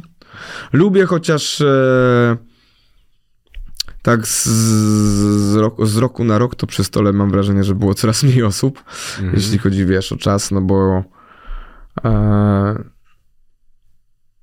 lubię. A jak w tym roku będziesz świętował? Myślę, że raczej na spokojnie i w kameralnym gronie. Wychodzę z założenia, że wiesz, przez fakt, że jakby nie patrzeć, mój tryb jakby pracy jest związany też z tym, że regularnie koncertuję i, Mhm. i, i- w ogóle przez ostatni czas tyle się wybawiłem, e, niezależnie od tego, czy będę mówił o poprzednich trasach koncertowych, czy ogólnie o moim stylu życia, że bardzo chętnie spędzę sobie te urodziny na spokojnie. Z wiekiem melanż jest coraz bardziej wyblakły. To zdecydowanie. Tak, no. No i też przede wszystkim dostrzega się jakby to, że spotkania z ludźmi kosztują energię, nie? Mhm. A powiedzmy, że chciałbym w te urodziny podładować baterię. Dobra, a gdzie teraz grasz e, koncerty? Zakładając, że jest niedziela, Mm, więc już nie możemy powiedzieć o niczym przed niedzielą. To teraz najbliższe, to co nam zostało, to mam dwa razy Gdańsk Mhm. i Poznań. E, W Gdańsku gramy dwa razy tego samego dnia, bo tam mieliśmy sold out, więc się dogadaliśmy, że po prostu zagramy dwa koncerty jeden po drugim, tam chyba z godzinną przerwą, żeby Mhm. jeszcze dać szansę kolejnym osobom. No i następnego dnia Poznań. Mm, No i jeśli ten podcast wychodzi w niedzielę, to wychodzi na to, że my Poznaniem zamykamy tą trasę powiedzmy klubową Mhm. i potem już w maju przechodzimy płynnie w Juvenalia i festiwale. Nie? Okej, a teraz będzie się działo coś e, w Warszawie? Bo ja nie sprawdzałem. Jesteśmy mówiąc. świeżo po. No sumie. właśnie, bo ja coś widziałem, że... E, że... W ten weekend teraz graliśmy, mieliśmy piątek e, Kraków, sobota Warszawa. Dwa, sold, dwa, dwa soldauty, dwa grube koncerty zresztą. A gdzie w Warszawie grałeś? W Proximie. Okej, no to też e, końcu bardzo fajne, bardzo fajne miejsce. Bardzo Ci dziękuję. Mieliśmy ponad dwie godziny e, rozmowy. Ładny To materiał. był wielki zaszczyt Ciebie poznać. Bardzo mi było miło, dzięki.